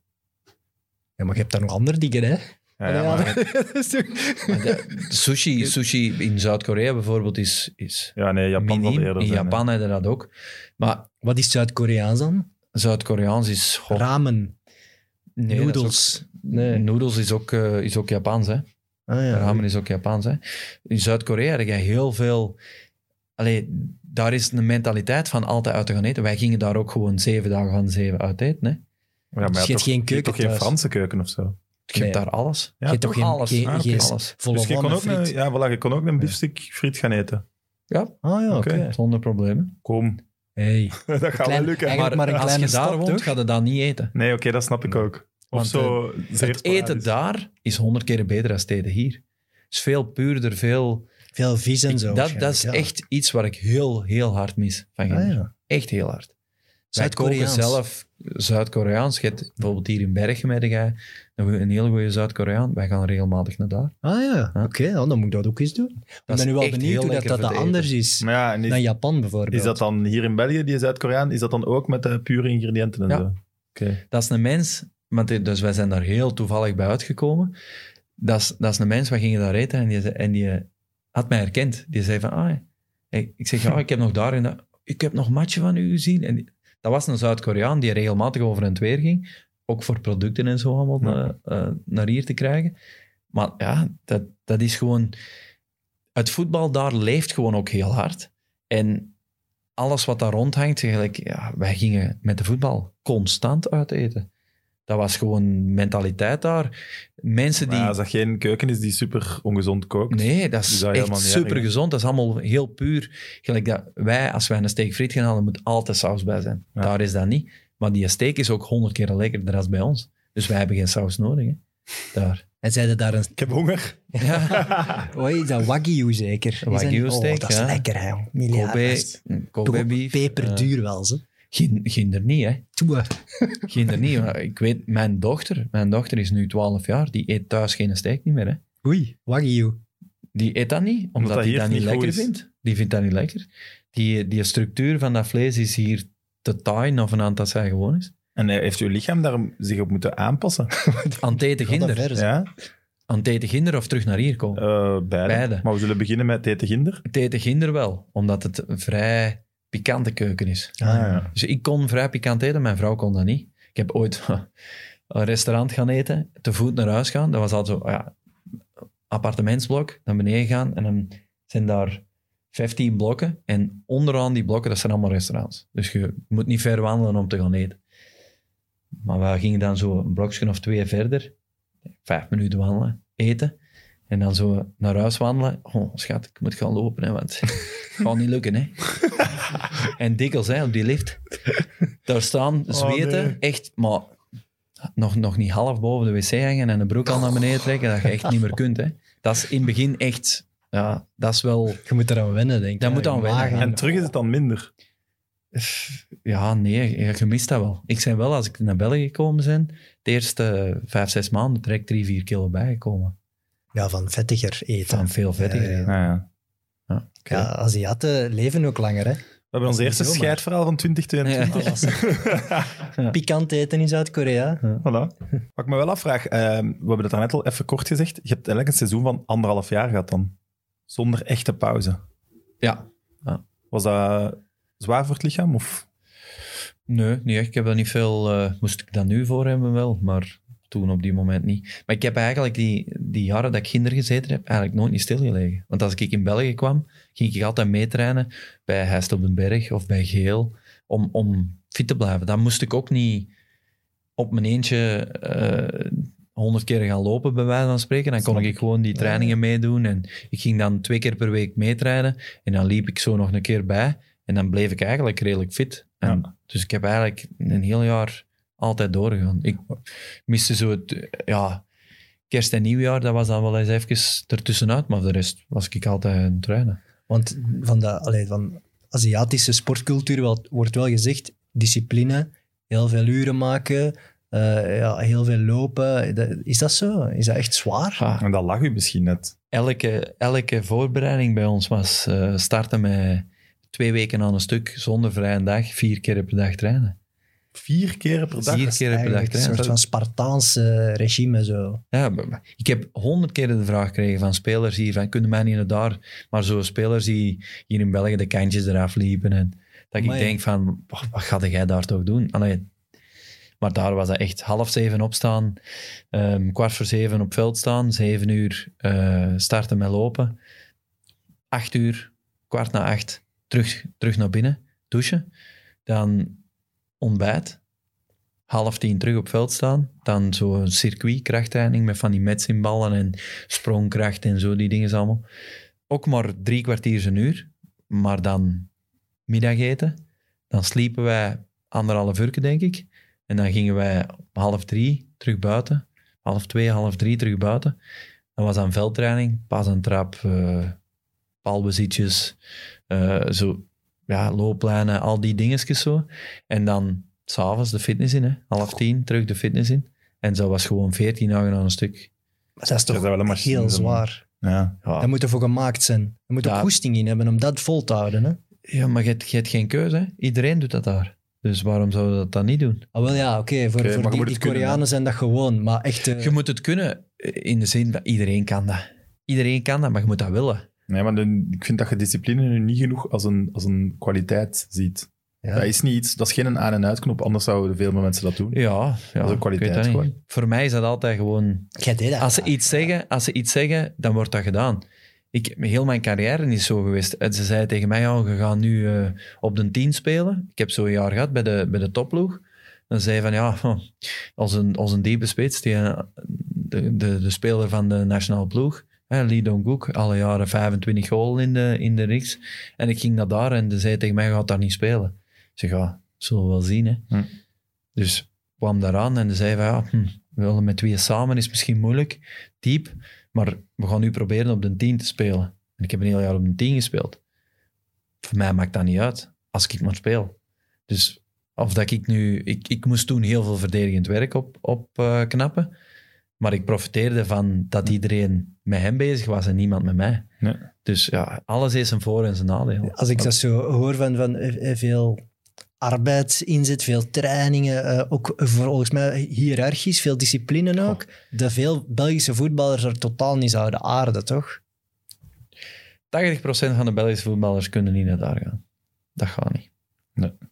Moet 20% echt iemand... kan dus wel vijf keer zoveel gaan verdienen daar. Ja. Ja, als je een trainingsbeest bent en, en, en ja, ik vind Als het je wel interessant. mentaliteit hebt en, en je eigen nederig kunt opstellen naar een ander toe, dan kunnen wij perfect houden. Dat is een van mijn geluk geweest. Wat is daar is- nederig, nederig Je opstellen? hebt Is dat geen gelijk- gigantisch ego, Ja, Nee, profilering. het ding is daar, ja, iedereen dat ouder is als u, is op de, op de ladder, op de hiërarchische ladder, groter en beter als jij. ook als hij een mindere voetballer is. Ja. Dus iemand die ouder was als ik, die moest ik morgens met mijn hoofd in mijn kas, mijn hand in mijn zij, een hand gaan geven, volledige focus, ik mocht die niet in zijn ogen kijken. Dat was gewoon daar. Respect. Respect, dat moet kunnen. En als je, ik heb dat van de eerste dag, heb ik tegen mijn vertaler gezegd, zeg, waar moet ik hier op letten? Met die cultuurverschillen, dat ik geen domme dingen doe of geen, niemand tegen zijn schenen stamp. ik weet Figuurlijk. Eerste training, eerste training dat ik daar aankwam. De training was gedaan, de training zat erop, kei plezant op, op het trainingsveld. We hadden wat afgewerkt. Eh, die zaten al twee weken verder in de voorbereiding, dus we hadden wat afgewerkt. En er waren, ik weet niet hoeveel ballen over. Dat was zo'n stadion met een, een ons trainingsstadion, een stadion met een pist rond. Die ballen achter de goal. Alles er neffen getrapt. Ja. Veel van die jonge gasten, de bedoeling is daar, die jonge gast die doet daar alles, die ruimt alles op. Maar er waren er drie, vier jonge gasten die zo'n spelletje naast dingen aan het spelen waren, eh, die niet betrokken waren bij de oefening. En op een gegeven moment, de training, na, de, na de training moesten wij, gaan wij altijd standaard in de ronde staan. Dan wordt er zo een klapje gedaan van, allee, dat je zo Motivatie. goed getraind had, Ja. motivatie en voor het afsluiten van de training. En de, de trainingsstaf gaat weg. En een van de oudere gasten, die pakt en spreekt de gasten toe. En mijn vertaler zegt, ja, eh, er is blijkbaar iets gebeurd, zegt hem. eh, er zijn ballen weggetrapt en de trainers zijn die allemaal moeten gaan halen. Oei, Terwijl dat, dat niet mag. niet kan. Ja. Dat mag niet daar. Dus die spreekt een van die jonge gasten toe. Van, jongens, hoe kan dat? En die, zei, die lachte zo aan. En die, die oudst van de ploeg, die, die loopt daar rennen, gelijk in een, in een film. Die springt omhoog en met zijn platte hand slaagt die van voor op deze gezicht. Bij die jonge speler. En die jongens, die, die, die valt achteruit. Zo. En ik, ik stond zo te kijken. Ik zeg, is dat normaal? Ja, zegt hem, gewoon niet reageren, zegt hem. Dat is, dat, dat is daar Dat is gewoon een sanctie Een- voordat hij ja. ja. niet zijn plicht deed als jonge gast. ja. En dat waren dan drie, vier jonge gasten. Waar als ze dat tegen gezegd hadden, die, alle, alle drie, In shock. drie waren zo aan naar beneden aan het kijken. Van, van ja, je hebt gelijk, wat we dan moeten doen. Die andere die was zo wat lacherig bezig. Ja, die werd daar direct op afgestraft. Amai. En dat was zo, mijn eerste training was heel zo, oh, waar zit ik hier? Ik zou wel verwachten ja. als je springt om iemand dat je stampt. Ja, maar ja. Ja, Springen en slagen is Ja, toch een Dat was raar. echt, ja, ja, maar dat was echt zo, die liep aan. Kun je kung fu? En- Ja, die mannen... Ja, nee, maar ja, ja, ik ben me dat dan allemaal aan het inbeelden. Ik- dat ik kan mij ik, als dat- springt, ik kan mij dat nog levendig voorstellen, echt. Dat was... Ja, dan, Ja, ik, heb daar, ik heb direct in de bus gekomen, ik heb direct mijn vrouw gebeld, ik zeg, en dat is er gebeurd. En zo heb ik, oei, zo kan ik u 15, 20 dingen zeggen die, die, zo, die dat ik meegemaakt heb, waar ik van denk van, dat kan niet. dat gebeurt in Belgisch Maar voetbal dan jamais de la vie. Nooit. Ja. Maar we- alleen maar zo vechten op training en zo? in Nee, nee, nee. of Wat voor Alles, alles. Ik heb, ik heb ooit iets meegemaakt, een, een, een, dat was eigenlijk een, een soort van offer dat ze brachten voor een goed seizoen, voor goed luk in, in het goede seizoen. Ja. En wij stonden in een stadion in ons stadion van Dejan Citizen, waar 32, 33.000 man was, muisstil was. In het midden van het stadion, in het midden van het veld stond een altaar met een rode loper van aan de zijkant tot aan het altaar.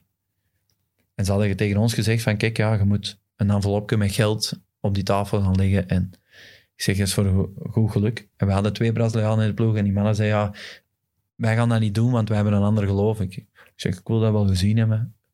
Allee, ik wil dat wel eens gedaan hebben. Beetje uit respect voor... Dus ik, ik kan ook naar daar. Stond daar zo een grote varkenskop op, op die tafel. Met zo wat fruit links, wat... Zo echt heel, heel raar, was dat, vond ik. En dan moesten ze op je knieën gaan zitten, een paar keren voorover buigen. Dat was echt zo het boeddhistische zo. hè. En dan moest dat envelopje in die mond van dat varken steken.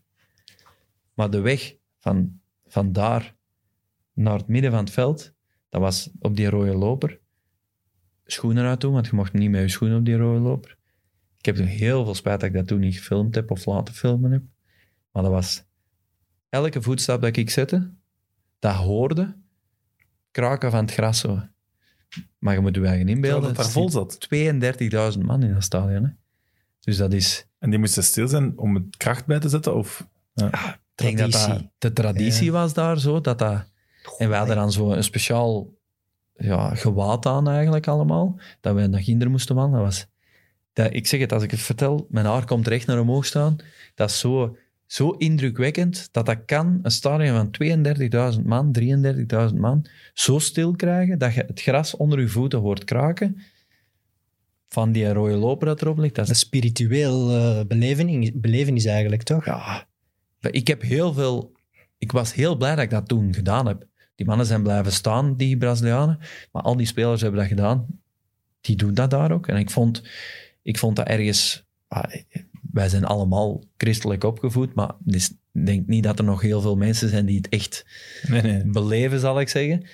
Maar ik vond dat dat een soort plicht was om dat te doen. Uit respect naar de club toe, uit respect naar eh, eh, dingen toe. Ook al geloofde daar dan misschien niet 100% in, maar dat was gewoon... Ik zeg het, ik moet er niet te veel op bouwen, want ik krijg daar koude rillingen van. Zo, ja, dat is... Maar kou rillingen is niet positief. Jawel, Ah. jawel. Daar zullen we nog even over babbelen. Hoeveel, hoeveel, hoeveel geld heb je in die mond gestoken? Was Eh, dat uw eigen geld? Nee, dat was, ja, dat was eigen geld. Dat was 10.000 won. Dat was ja, 3, 4 euro of zo. Ah, oké. Ah, oké. Dat was niet...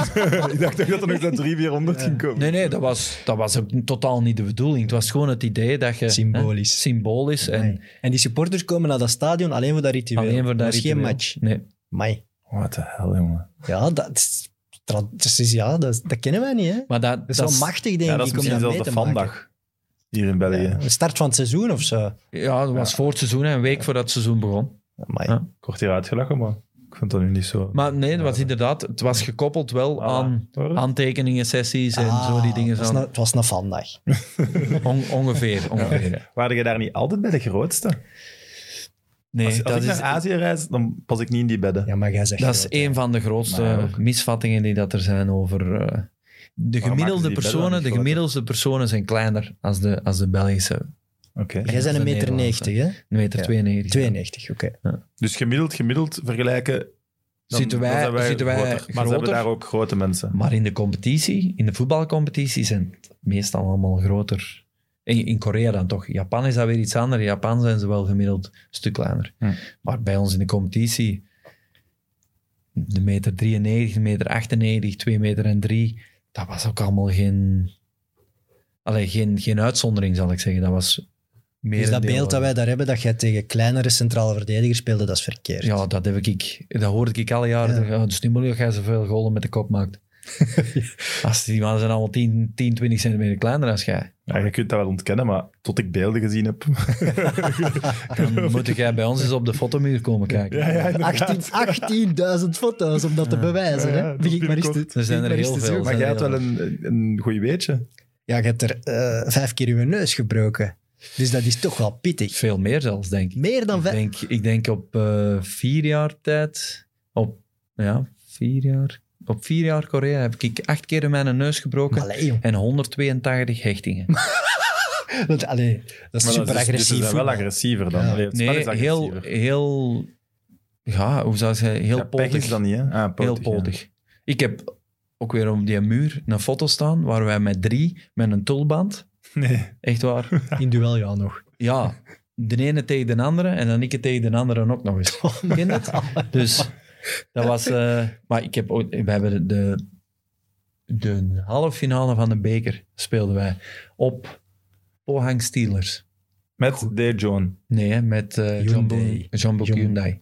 Ik ben nog mee, ik ben nog mee. En wij, moesten, wij, moesten, wij stonden 2-0 met de rust achter. Wij stonden eerst in de competitie en stonden 2-0 met de rust achter. En tijdens de rust, we waren allemaal... We wisten niet wat dat probleem was. We waren zoveel beter, maar we, hij ging er niet in. En op een gegeven moment komen we komen buiten met de rust en ik krijg een kap in mijn, op mijn, op mijn boven, boven mijn wenkbrauw. Ik loop naar de kant en een trainer zegt, nee jong, je hebt te veel bloed verloren, je moet naar de kant. Ik zeg, jong, zie je het niet? ik zeg, kom. En die, die, die verzorger toen, die reed mij geniet, hè, met zo'n nietjesmachine Oh, over het ja, veld. ja, ja, ja. Die niette mij. Twee minuten later scoor ik de 1-2. Dan maken wij de 2-2. En in de laatste drie minuten van de wedstrijd scoor ik met mijn kop op die nietjes. Maak ik 3-2. Wij winnen die wedstrijd. En ik ben in de kleedkamer gelopen. En ik weet van die avond niks niet meer. Helemaal niks. was helemaal weg. Omdat je zoveel bloed verloren hebt. Ik kom in de kleedkamer en een- mijn vertaler zegt, we moeten naar het ziekenhuis. Ik zeg, want er klopt iets niet met die nietjes. Normaal gezien, die nietjes die moeten bewegen, want dat zit in uw vel, dat gaat mee. Maar één daarvan zat volledig vast. In je kop dan echt. Dus uw- ik kwam in het uw ziekenhuis aan en een dokter ja, zegt, door die kopbal is dat misschien door die ook. kopbal, die nietjes Ah, waren dus gast. in mijn bot gegaan. What the fuck. Ah, En ik kom in het ziekenhuis aan en die, die, die dokter zei, zo heb ik mijn bijnaam gekregen daar eigenlijk. Die dokter zei van, ja, we gaan u moeten verdoven. Ik zeg, kom je om zeven niet, ik wil naar huis. Eh arrangeert dat. Dus hij zegt, ja, maar ja, we gaan, dat nietje moet eruit en dan gaat dat ge- terug een nietje in moeten. Ik zeg, ja, dat is twee keren. Ik zeg, je gaat niet vier, vier keren verdoven om dan twee dingen te kunnen doen. En mijn vertaler, die zei dat tegen de dokter. En de dokter zei, ja, maar dat zeker? Hij zei, ja, maar je kent hem nog niet, zegt hem. Doe dat nu maar gewoon, want die wil gewoon naar huis, die wil gaan slapen. En kreeg ik een de kop aan, ik wist ik daar niet zoveel niet meer van. En dus die doet dat en die begint met zo'n pincet daar aan te trekken en dat ging niet. Ze kregen dat er niet uit. Dat zat dus in, in dat bot. En zeg je dan terwijl aan het brullen echt van de pijn? Of? Nee, want je zit, Ja, ik zou je zit in die adrenaline van die wedstrijd. Ja, oké. Dat, allee, ik heb dat Een vies eigenlijk... gevoel, ook al heb je geen pijn, is dat een vies gevoel? Ja, dit, dat, wel. Dat wel, hè. Want op die moment dat hij- ging hem zo een universeel tang halen, gelijk dat ik in mijn gereedschapskist heb staan. En die begon echt, Man, die vertaler, die ging boven op mij hangen. En die, met zijn tang ging- pakte die dat nietje vast. Zeg, ja, kom jong, in één keer doortrekken dat het eruit is. En die trok en ik hoorde dat echt zo, dat been zo, kraakbeen zo helemaal kraken zo. En ik kijk, ah, ja, ik mag het zien. Ik De gevoelige luisteraars eh, Ja, ja, hebben nu wel een probleem. Die hebben al lang afgezet, denk ik. En, en toen heeft hem inderdaad terug opnieuw geniet. En dan ben ik naar huis gegaan achteraf. Heb ik ja, eh, een goede nachtrust gehad, een daffelgan of twee gepakt. Maar dan, als je dan achteraf, heb ik dan de bijnaam gekregen van de Hulk in, in, in Korea. Dus overal waar ik kwam, ja, hadden ze vlaggen laten maken met, met een hulk, maar dan met mijn, mijn kop zo groen dan gemaakt helemaal met het... eh, omdat, ja, truiken ook. Dus dat, dat groen van John Book Hyundai Motors. Ja, ja. Dus dat paste wel heel- helemaal in dat, in dat ding. Dus dat was, allee, dat is dan eigenlijk zo de rest Goeie- van mijn Goeie carrière. vertaler tolk, is dat dan Antwerps naar Zuid-Koreaans of is dat Engels? Nee, nee, dat is Engels, hè. Ah, Alles is Engels, hè. Dacht, misschien... En is die er altijd bij? Eh, die staat zelfs mee op veld, hè. Het eerste jaar stond hij gewoon mee op veld, hè. dat kan niet, op Wat zeg je? trainingen, hè. Op trainingen. De wedstrijden- niet, hè. Dat maar- was ook de nee, nee. linksbak. Nee, nee, nee, maar dat was, dat was gewoon elke eigenlijk training. opstootje daar naartoe om te vertalen. Wacht, wacht, wacht. Ja, elke training was dat zo, hè. Ja, de- die kwam er dan bij staan en zo. En alleen dat- voor u of waren er meer? Nee, alleen voor mij. Ah, jong. Amai, dat is wel vet. Maar dat was ook heel snel, allee, heel snel gedaan. Na, na drie, vier maanden Kon het. eigenlijk zo goed als alles. Echt? Van voetbaltermen toch? Ja. Ja, ja. Dat al een van de makkelijkste talen om te leren. Iedereen zegt altijd van... Ik heb leren lezen, Koreaans leren lezen op de vlucht naar daar. Maar ik verstond het niet, hè. Maar hoe lang heb jij rondgevlogen? Drie weken. was eh, Nee, maar nee, negen uur. Op negen uur tijd heb ik, eh, heb ik leren lezen. Maar dat zijn van die ja, dat zijn tekens, hè. Ja. Maar elk dat was dan teken, voor die nietjes in uw hoofd. elk, elk teken had zijn klank, hè. Ah, ja, dus als je die tekens mengt, kun je die klanken vormen. Je gaat ook maar 13 tekens, dus heel moeilijk om dat leren lezen, is dat niet? Nee, oké, maar dat wil een niet uur per zeggen- teken. Dat wil niet zeggen dat je, dan, dat je het dan verstaat, want je moet dan uiteindelijk nog door middel van klemtonen en zo, betekent dat dan altijd iets anders natuurlijk. Ja, lijkt me toch ingewikkeld. Ja, inderdaad. En die vertaler, dat is dan een van uw beste vrienden daar, want ja, die is er Ja, die, die, die, die was constant bij ons Ja. bij. hè. En ik had zoiets van, ik betrek die mm, bij ons in het familiegebeuren ook heel hard bij. Waardoor dat hij eigenlijk voor ons alles deed wat wij... Tuurlijk. Ja, zo iemand heb je wel nodig om En, als je en af en toe, weet je, zo'n mannen die verdienen dan een minimumloon via, de club. Maar ik gaf die dan regelmatig zoiets Kerstcadeau. 100, Rolex. 100 euro, allee, 100 euro in, in, in Koreaans bij dan. Maar dan, de- als ik dan iets nodig had, of ik wist iets niet, of ik moest iets hebben, ja, dan was dat... En dat regelde die allemaal. Hè. Dus dat was echt wel... Vooral voor, mijn- voor mijn vrouw was dat fantastisch, hè, toen. Ja, die zit altijd thuis. Als die- Ja, maar die heeft niet heel veel thuis gezeten, ze, die heel veel gereisd daar. Ja, mijn dochter was daarbij en ik had zoiets van, ja, we moeten die zo snel mogelijk ook op school steken daar, dat die mee is. Ja. Dus ja, we hebben die eigenlijk, na twee, drie weken zat hij eigenlijk een soort van kinderdagverblijf. Hoe oud was hij toen? Toen was hij anderhalf. Ah, oké.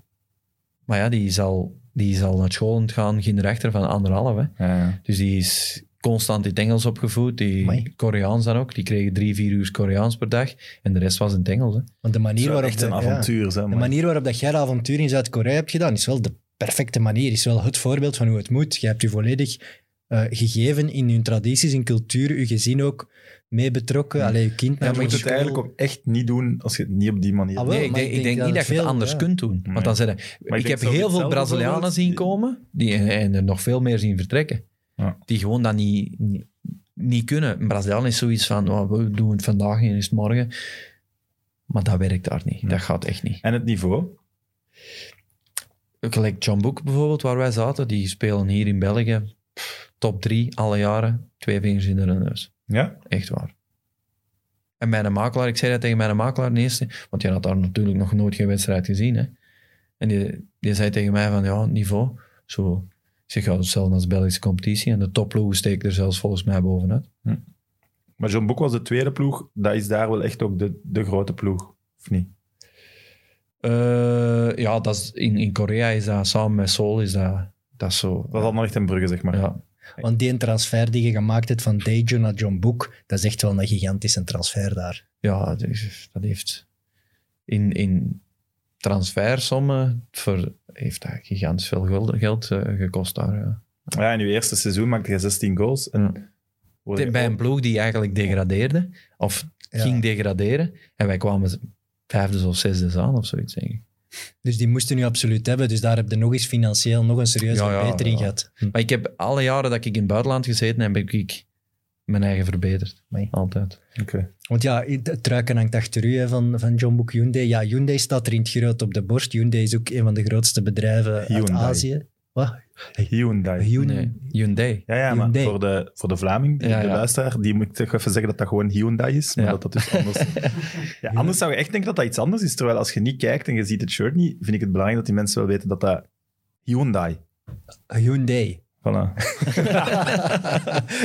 maar dat is, dat is dan die, gelijk Wolfsburg van Volkswagen is, is die Ja. ploeg van Hyundai. Ja, en klopt. dat is dan Maar ja, fantastisch Hyundai gereden. is daar sowieso toch ook huge. Ja, ja, sowieso, Ja. sowieso. Maar die ploeg die had dan ook, die worden dan gesponsord door Hyundai of Hyundai. maar die, die hadden daar gewoon ook eh, al een paar jaar achtereen kampioen gespeeld. En eh, dan heeft eh, de sponsor in één keer beslist, we zetten daar een trainingscomplex in. eh, 40 miljoen dollar kostte dat toen. 42 miljoen dollar zelfs. En hebben ze dat daar gewoon even neergezet. Maar voor, hoeveel is dat dan in die munt vandaar? Ja, dat, dat weet ik niet. Dat is... Maal duizenden wons. Ja, ik denk, eh, ik denk duizend won is iets van een euro en een half of zoiets. Dus maal duizend ongeveer. Maal duizend. Dus dat is echt... Maar, dat, dat was dan beter dan een Club Brugge of een Neerpede van Anderlecht? Of... niet vergelijken. Nee. Waar je dan over spreekt, dat is hetzelfde als Manchester City of Manchester United. Of, Het moet zalig zijn. ja, dat moet Ja, ik- zijn.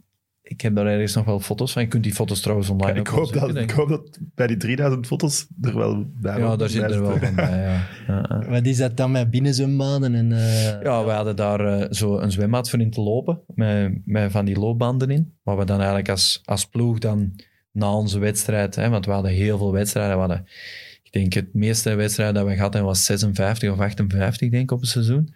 Ja, dan was dat gewoon maandag uitlopen in het zwembad, hè, Een zwembad met een loopband in. met een loopband in. En waar, dat, dat nu wel nog wel hebben. waar dat niet. camera's op stonden. Hè. Dus jij kon jij zien, kon jij zien hoe dat jij liep, eh, nou, voor je loopstijl te verbeteren en zo. Daar was dat eigenlijk voor gemaakt. Hè. Amai. En dat was dan ook met kamers en zo. En, ja. Ja, elke speler had daar zijn eigen kamer. Eh, wij, daar was een volledig, eh, hoe zal ik zeggen, dat was eigenlijk een volledig hotel met een fitness, een indoor trainingsveld, eh, een, een, een fysioroom. Maar dat is nu bijvoorbeeld allemaal bij Brugge, denk ik, ook wel al. Maar ja, we spreken over tien jaar geleden bijna. Ja, deze is eh 2014. hè. Ja, zie. Ja, je vertelde voor de, voor de uitzending al even over de Champions League. Hè? De Aziatische Champions League, daarin heb je ook wel gespeeld. Ja. Maar dat is ook wel... Ik, ik onderschatte dat, maar toen dat je de verplaatsingen begon op te noemen, dat gaat van het Midden-Oosten tot Australië, Nieuw-Zeeland, tot de topploegen van Japan. Dat is echt wel, eigenlijk wel echt een gigantisch, gigantische competitie, met ook dan heel veel goede ploegen. Ja, ja, dat is, ik bedoel, en, en qua budgetten is dat, allee, gelijk als John Book bijvoorbeeld, dat is, als je dat ver gaat vergelijken met, met, met, de, met de Europese eh, Champions League, is dat Barcelona, Real Madrid, ehm, Doe mee voor halve finales elk al, jaar. dat, is- dat is gegarandeerd Ja. minstens kwartfinale, zal ik zeggen. Amai. Dus dat is, allee, je kunt, eh, ik heb ooit tien uur gevlogen voor een Champions League wedstrijd te gaan spelen. Hè? En dat was dan Midden-Oosten. Nee, dat naar, naar Australië. Hè? Naar Nieuw-Zeeland of Ja. zo. Goh, ja. Ah ja, want de, de, Australische competitie komt er twee dagen bij. op voorhand vertrekken en drie dagen later aankomen. Dan aankomen, diezelfde, eh, aankomen s'morgens en diezelfde avond competitiewedstrijd gaan spelen. Hè? Dat was daar allemaal... Ja, want gelijk nu die Afrika Cup, we waren erover begonnen, maar ook de Aziatische Champions League of Aziatische competities, ja, daar zien we echt niks van. Hè. Nee. Nul, hè. Nee, maar dat is hier ook gewoon niet echt populair. Hè? Ja. Terwijl dat je nu ook wel veel meer in eerste klasse, die Japanners die naar Ja. hier beginnen komen, Heel die, veel, hè. die maar het ook goed doen. Hè? Ja. Die het ook goed doen in België. Hè? Maar die doen... valt toch zoveel toch niet? Bij Sint-Truiden. Ja, en Ito en eh, Ja. Suzuki Ja. en... en uh, Er zijn er wel Kamada laatste gehad, jaren. nu komt dat Kagawa. Dat dat wel al altijd is dat er zo'n paar zijn. Maar goed. Nee, nee, dat is echt de laatste jaren is dat echt doorgestroomd. Ik denk dat Kortrijk is er nu ook een gaan halen. Eh, maar als ik hoor van discipline, fysiek, ja, dat, dat past natuurlijk wel Ja. bij België. Hè. Als je goed kunt lopen Mentaliteit, en je, hè, ja. mentaliteit zit goed, Ja. dat is makkelijker om te integreren dan, dan inderdaad een Braziliaan die misschien technisch sterker zal zijn, Ja. maar misschien wat, wat losser is in het Ja. hoofd. Wat, eh, wat is het verhaal achter de Kevin Oris voetbalschoen? Je hebt je eigen voetbalschoen daar gekregen. Het eerste jaar, het eerste jaar dat ik in eh, Korea was, heb ik ehm, een eigen voetbalschoen, ah, na dat seizoen, een eigen voetbalschoen mogen samenstellen vanuit Adidas, om die te promoten, zal ik zeggen. Daar. Dus gelijk dat echt wel David Beckham en Cristiano Ronaldo hun eigen schoen hier hebben, Ja. had jij dat daar? Of LeBron James bij Nike of zo. Ja. De Kevin Ja. Oris Adidas. ja. Ik heb hem thuis nog altijd in de kast staan. Zalig, maar dat is toch... Dat is echt zot. Kunnen wij dat googlen? Kunnen wij dat zien? Dat zal misschien niet. Ja, dat moet wel lukken. Er is een foto van doorsturen, hè? want dat is dan ja, gewoon een, ja, één model waar dat jij dan de kleuren van de de F-. De F50 was dat. En die heb ik volledig samengesteld qua kleuren, qua kleuren van nestels, Belgische vlag erop, mijn nummer erop, mijn eh, initialen erop. eh, zo helemaal. Is hem schoon? als je zo... Dat is mooi, ja. Ik, ik vond hem heel Stel mooi. je voor dat hem nu zegt nee. Ik heb er, ik heb er nooit mee gevoetbald. Maar. Nee, Waarom niet? nee ik heb dat Lelijk. nooit niet gedaan. Met je eigen schoen. Nee, omdat ik vond dat dat ja, iets, niet veel iets ego. was. Ja, Ja. niet iets was om mee te voetballen. Dat was iets om te koesteren, vond ik. Ah, ja. Ik heb altijd met F50 Maar je kon- gevoetbald. iedereen kon die wel gewoon kopen en zo. Ja. Moest je dat dan niet om die verkoopcijfers Nee. te stimuleren? Nee. Dat is ook wel chill. Ik Ja. heb met elke F50 gespeeld dat er is, behalve de die. Dus er is een Adidas F50 Oris Edition. Ja, geen erachter toch? Hier is die nooit niet gekomen, denk ik. Allee, Nee, maar je zou ervan verschieten. Wereldwijd gezien de best, best verkochte voetbalshirts. Ja, net onder de Real Madrid's en Barcelona's heb je echt rare ploegen die wij echt niet kennen. Ah, wel, maar, Dat zijn ja. gigantische markten die wij gewoon totaal niet kennen. Hè. mijn, mijn voetbalshirt ging erachter is drie jaar op rij het meest verkochte shirt geweest van de competitie. En dan spreken we echt over aantallen. Allee, Ja, Over het heel de League samen. over niet. rond de 100, 150.000 150.000 shirts met Per jaar. op. per jaar. Hè? Ja. Dus ik was Man, man, man. voor. Kinderachter, was ik commercieel gezien ja, geweldig interessant. Hè? Ga- ja, Voor elke ploeg, hè. 50.000 shirts, man. Je bent ook opvallend natuurlijk daar. Ja, als je gewoon Hoe daar buiten je- komen. Ook dan. weer, ook weer wat ik daar straks zei, ik was enorm bereikbaar voor iedereen. Want iedereen kon mij via Facebook, via... Maar ja, inderdaad, kom je dan langs in Zuid-Koreaanse tv-shows en zo, dat soort dingen. Nee, want dat was niet, dat was niet haalbaar ook niet. En dan moesten met een vertaler en zo gaan. Ah, ja, ik heb zo. zo wel redelijk wat interviews en zo gehad, dat wel. En, en ja, evenementen en zo heel veel gedaan, maar, maar niet... Maar kon je over de straat lopen? Dat hangt er vanaf. Ik heb een Had maand en, een half geleden, maand en een half geleden een foto doorgestuurd gekregen van een van mijn beste kameraden daar, dat wij in Seoul, op een van de... Ja, Seoul, Hm. dat is die Sam. in Seoul, in, in, Seoul, in Seoul op een van de grootste billboards. eh, ik zal zeggen Times Square van, eh, van Amerika. In Seoul op de billboards een foto van mij met mijn vrouw en de dochter. En wat dan? Een horloge? Reclame, nee, reclame voor, eh, voor eh, een kledingmerk. Dus, allee, dat is... Ik heb destijds, destijds hadden ze aan ons gevraagd of wij zo'n fotoshoot wouden doen. Te- dat was ten voordele van een goed doel of zoiets was dat. En wij kregen alle foto's. Ik zeg tegen mijn vrouw, we gaan dat doen, jongen. Dan hebben we 800, 900 foto's, allemaal verschillende kleren aan, allemaal verschillende dingen. Gratis gekregen, zo, al, die allee, al die beelden daarvan. En wij allemaal thuis liggen, dan een heel boek ervan, cd, allee, cd noem maar op, alles ervan. Die worden blijkbaar nu nog altijd gebruikt. Je hebt te weinig gevraagd, hè? Maar, eh, Ja, maar daar is dat, daar is dat allemaal van de club, hè. De Ah, club je heeft daar alle recht. rechten, hè. Ja, ja. Dus je loon en that's it. Ja. maar ja, dus die gaat heb wel je omhoog Nee, dat niks uw portretwaarde hoger is. Het is niet dat je 2 euro per truik Nee, mag nee, krijgen, nee, je want dan hadden we wel goed verdiend. Maar het, het, het rare daar is, hier heb jij... Het zijn allemaal sporters van een ploeg hier. Maar daar heb je dat niet. Daar heb je echt...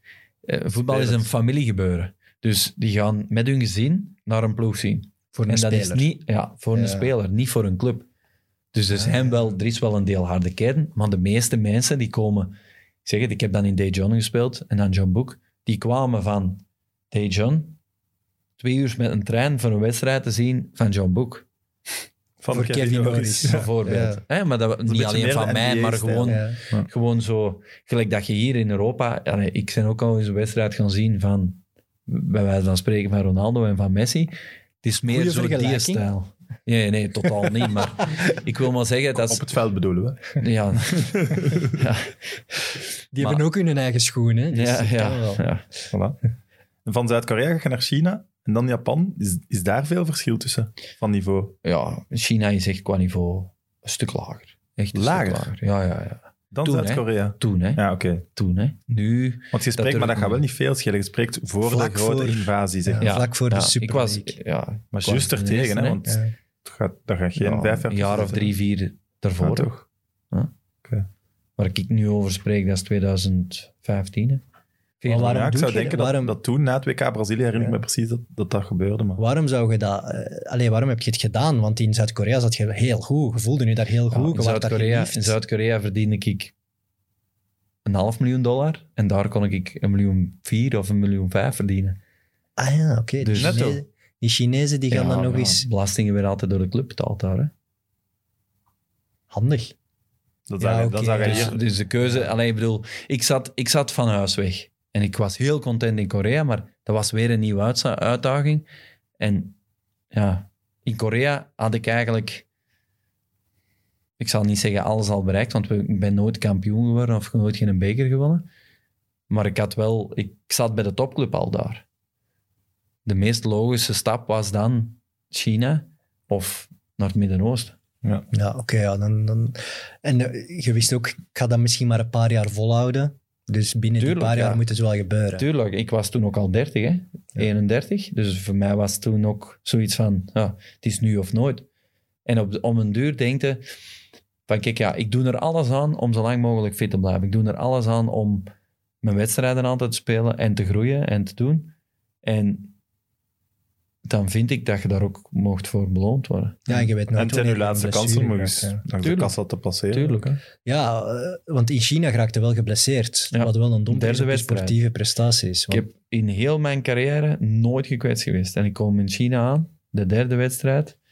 Eh, de eerste wedstrijd scoor ik, de tweede wedstrijd niet. De derde wedstrijd ga ik in een luchtduel aan. En ik kom neer, er komt er een neer op mijn voet en ik breek eigenlijk aan mijn kleine teen het Jones-fractuur is dat. Dus eigenlijk het bot op De uw wreef langs de buitenkant. Ja. En ik ben drie maanden uit. Eh, ja, dat geneest werd- zeer traag. Hè. Ik werd, ik werd eh, geschat op zes maanden uit. Goh. En ik kwam in het ziekenhuis eraan, foto's van gepakt. En die zei, we gaan u opereren. Ik zeg, ja, dat is goed, maar ik ga dat wel in België doen. Ik ga dat niet... Allee, ik vertrouwde in China Minder. Niet. Ja. Gewoon niet. Het was niet minder, het was En gewoon waarom niet. niet? Ja, het ziekenhuis zag er niet uit? Ik zeg, China is een fantastisch land om te wonen. Alleen jammer dat daar Chinezen wonen. Dat is jij niet vriendelijk, of? Oh, heel... Waar dat ik woonde, hè. Ja. Want het zuiden is helemaal anders, maar waar dat ik woonde was heel arrogant. Ah, ja. heel afstandelijk. heel afstandelijk. Was totaal iets anders. En wij kwamen dan van Korea, totaal het tegenover. Niet open voor u als buitenlander. Jawel, jawel. Op de club en zo wel, hè. maar zo daarbuiten niet. Dus dat was echt... Ik vertrouwde daar ook gewoon. Ah, ja. Geen ene dokter, geen ene dit. Ik had zo altijd het idee van, kijk, die gaan hier... Nu zeker, met, die- met die blessure dat ik had, die gaan hier iets in mijn, eh, in mijn drinken doen, dat ik doping, en dat ze er zo van mij Dat van en zo. ja. Ik, ik was daar heel wantrouwig voor ook. Ah, maar dat is ook niet Het is leuk. geen fijne sfeer dan. Nee, nee. Maar uiteindelijk, ik ben dan naar België gegaan. Ik heb me eigen laten opereren. Ik was ook op drie maanden en een half was ik terug. Maar dan, omdat die dacht dat ik zes maanden ging weg zijn, hebben die gezegd van, ja kijk, we trekken een andere buitenlander aan. We zetten die op non-actief. Maar dat, En je mocht maar twee buitenlanders zeker. drie, drie, Drie. was daar. Dus ik kwam terug en dat was er één te veel. Hè. Jij. Dus het was, ofwel moest hij eruit, vier. ofwel ik. Hè. Dus dan En was ze... dat per wedstrijd of in uw selectie-inschrijving? Eh, nee, nee, per wedstrijd. Ja. Wel mocht je elke keer... eh, dus hij heeft mij een paar keren nog meegenomen, waar ik eigenlijk... Kijk, vier maanden met de reserve gespeeld daar, denk ik. En Maar wel gewoon doorbetaald en Ja, op, op een gegeven moment was ik vier maanden niet meer betaald.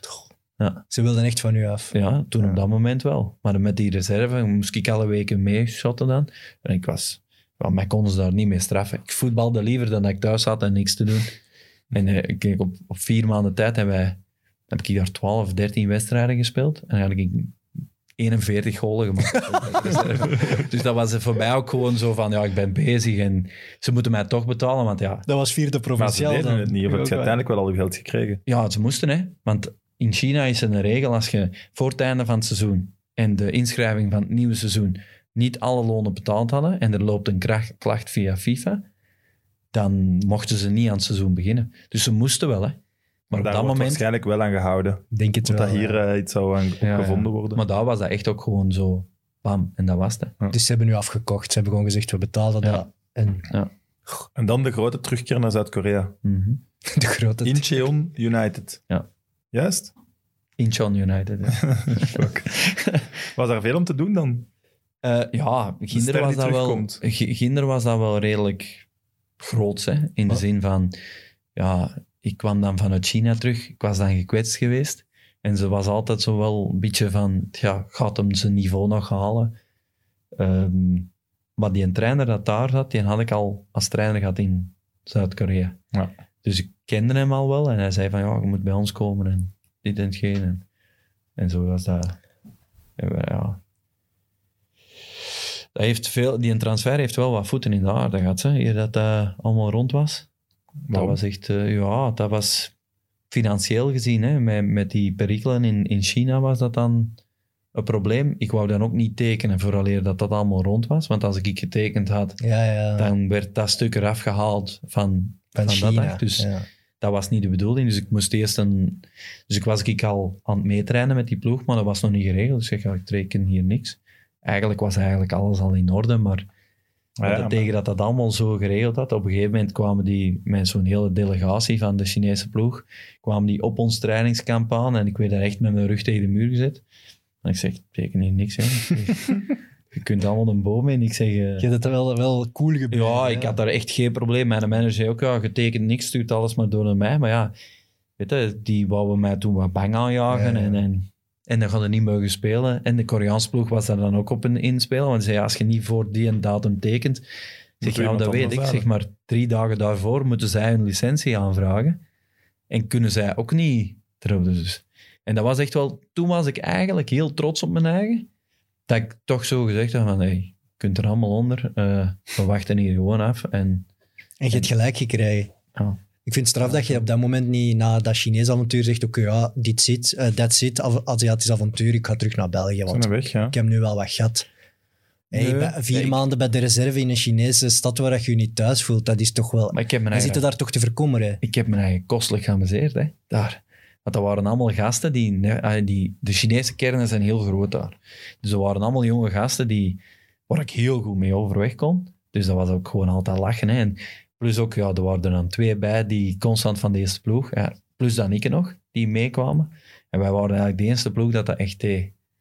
Dus ja, dat was, Gewoon elke week. dat was gewoon, ja... Maar ja, je speelde voor niks, want het was geen profcompetitie, je speelde in een jeugdcompetitie. Nee, ja, dat was gewoon, ja, gelijk als hier. Je hebt nu bijvoorbeeld ehm eh, Tess, waar ik gezeten heb bijvoorbeeld, die hebben nu in eerste amateur, maar die hebben ook een ploeg in tweede, tweede eh, provinciaal. Ik denk dat je het zo een beetje kunt Ja, vergelijken. ja, oké. Dus dat is eigenlijk een jeugd eh, van China die zijn topladen zijn voor de eerste ploeg. En daar zaten wel wat voetballers, allee, wel wat voetballers tussen. Maar in heel die tijd, als je dan zoveel golen maakt in Azië, is er dan geen Belgische ploeg die nog eens belt of die nog eens probeert? Of Jawel, constant. constant? Elk jaar. Elk jaar opnieuw. We spreken over eerste klasse. B- Ja. Elk jaar opnieuw. Antwerpen, Beveren, en, maar die kunnen dat... Standaard, Anderlecht. Maar vanaf het moment dat die horen dat je, hoeveel je verdient, haken die af, vermoed ik. Ja, standaard en Anderlecht, dat klinkt nu toch aanlokkelijk. Ja, voor wat? Als, als ouderdomsdeken op de bank te gaan zitten. Ik voetbalde graag. Dan, Kun je voor altijd zeggen, hier in België dan, dat je voor Anderlecht hebt gespeeld? ik vind dat niet echt een plus. Maar Sam Kerkhoffs neemt afscheid van de podcast. nee, maar is, Maar dat is niet, dat is niet, het is ook dat is, lang genoeg geweest. Dat is niet naar Anderlecht bedoel. Maar ik vind, voor dan te kunnen zeggen, ik zit op de bank. Allee, Iedereen- Ja, maar je, hebt- je hebt wel in je, bij je derde ploeg dan in Zuid-Korea heb je toch niet zoveel meer gespeeld. In, in John, Ja, constant. voilà. En Anderlecht, is dan. maar- Anderlecht die belde en die zeiden wel eerlijk van het is gewoon om iemand te hebben op de bank, een soort pinchitter of... Nee, ja, je zat met die Belgen, hè. Die regels van die Belgen waren er, hè. En dan denk je die aan u. Ja, Iemand moet uw Wikipedia-pagina aanpassen, want in Chion heb je op twee matchen staat hier uit twee seizoenen twaalf matchen. Dat kan niet. Maar ja, Aanpassen, dat- jongens. dat is echt wel... 12 die, golen, misschien. Of, eh, Nee, het één eerste goal. seizoen. Staat. Dat die sites van die clubs is Dat onleesbaar. helemaal niet. Ja, Dat is... kan ik me voorstellen. Allee jongen, dat is Anderlecht die vraagt... En jij, jij zegt gewoon nee. Tegen Van Olsbeek was dat dan. Je zegt gewoon nee, ik blijf hier. Want zij hadden Belgen nodig of zoiets. Hè? Mhm. Ja, ik vind dat wel straf. Allee, ik vind het... Maar ik snap wel... Ik vind, ja, dat niet, ik vind dat niet straf. in je zin- als je zoveel verdient daar, Ja, ja, ook. dat En ging ja, je toch ook bij Anderlecht niet krijgen om op de bank te zitten. Maar, maar daar, Ging het, daar ging het ook bij mij totaal niet over. Bij Ja. mij ging het erover, mijn zaak ging opstarten. En dat was mijn toekomst.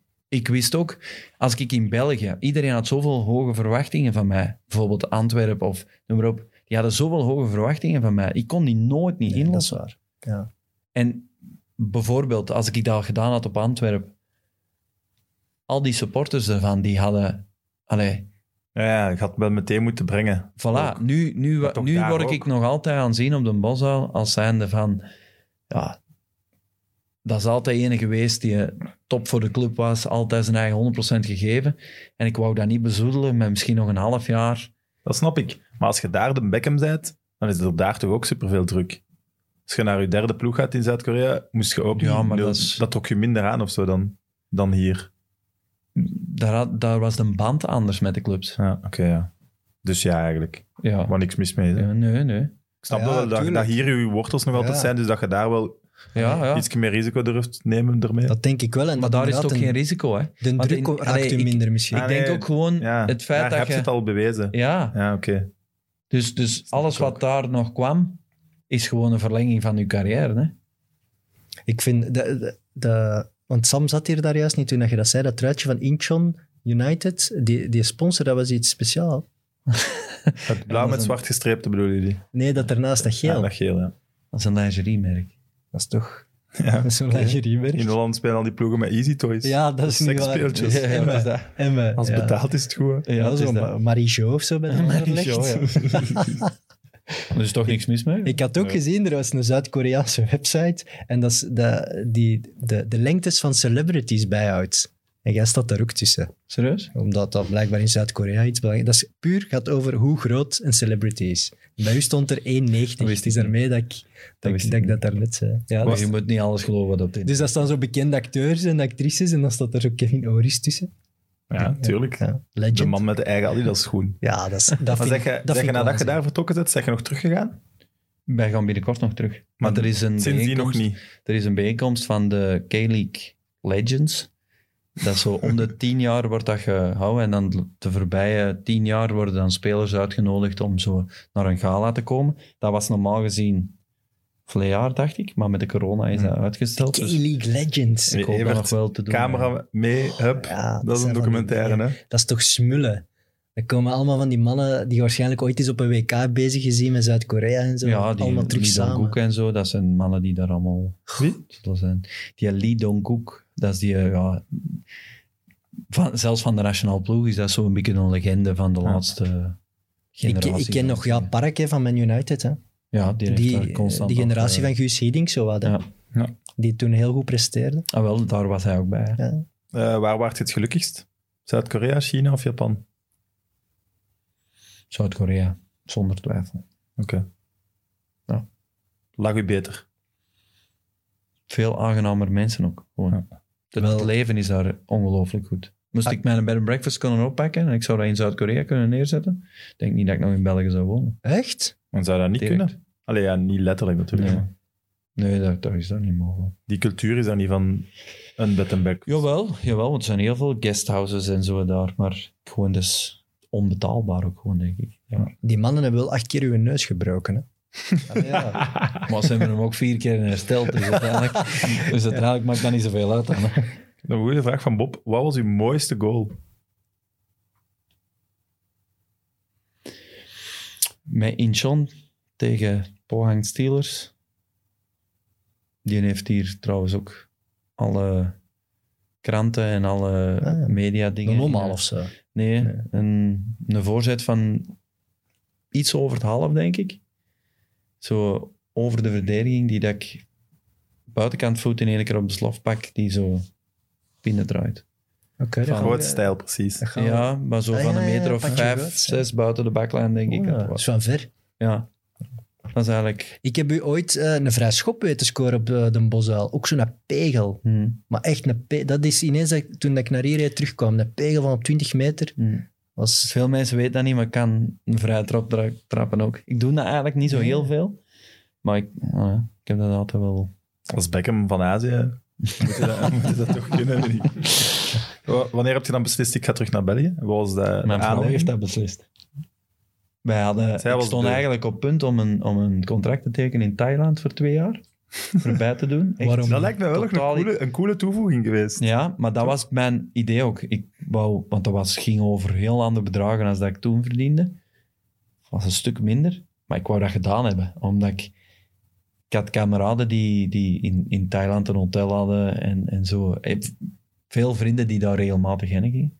En dat was gewoon nog zoiets dat ik wel wou doen. het En- vakantieleven meer. ja, nee, gewoon nog, die, omdat wij ook wel eh, Champions League gespeeld hadden tegen de Thaise ploegen. En dat, wat, dat leek mij echt, ik vond dat fantastisch om te doen. En ehm, ik kwam thuis in december en die contractbesprekingen die liepen. En eh, mijn vrouw zei, ja, we moeten met ons Louise moeten we iets worden doen, de oudste. Want die heeft problemen op school. Die kon zo het, het Nederlands en het Engels. Het was heel moeilijk voor haar om dat het, allee, Hm. Te goed allemaal te laten doen. Voor dat kind was dat, dat waren drie talen op, eh, Ja, op een ja. jaar. Hè. Dat was het Koreaans of het Chinees, dan, dan het Engels en daar dan nog eens het Nederlands op. Ja, die werd dan in, in december kwamen wij thuis, werd die direct op school gestoken in, in, in België. Dat kind heeft zes jaar aan een stuk gewoon elke dag van het jaar naar school geweest. Hè? Buiten de kerstvakantie. Hè? De rest heeft hij alle, alle dagen naar school geweest. Gruwelijk. Ja, maar die vond, ah ja, zij zelf vond dat niet, niet erg. Maar dat nu was, is ook alles goed gekomen. Ja, we zijn te weten gekomen dat ze eigenlijk een, een, een dyslexie heeft. Waardoor dat ze eigenlijk, waardoor dat we eigenlijk perfect dat wel hadden kunnen doen. Omdat we wisten, toen wisten we dat niet. En Ja, dachten ja. we dat het lag aan de hoeveelheid alles bijeen. En bleek dat het achteraf dan niet, niet waar was. Dus dat is iets waar ik in mijn carrière nog wel spijt van heb. Hm.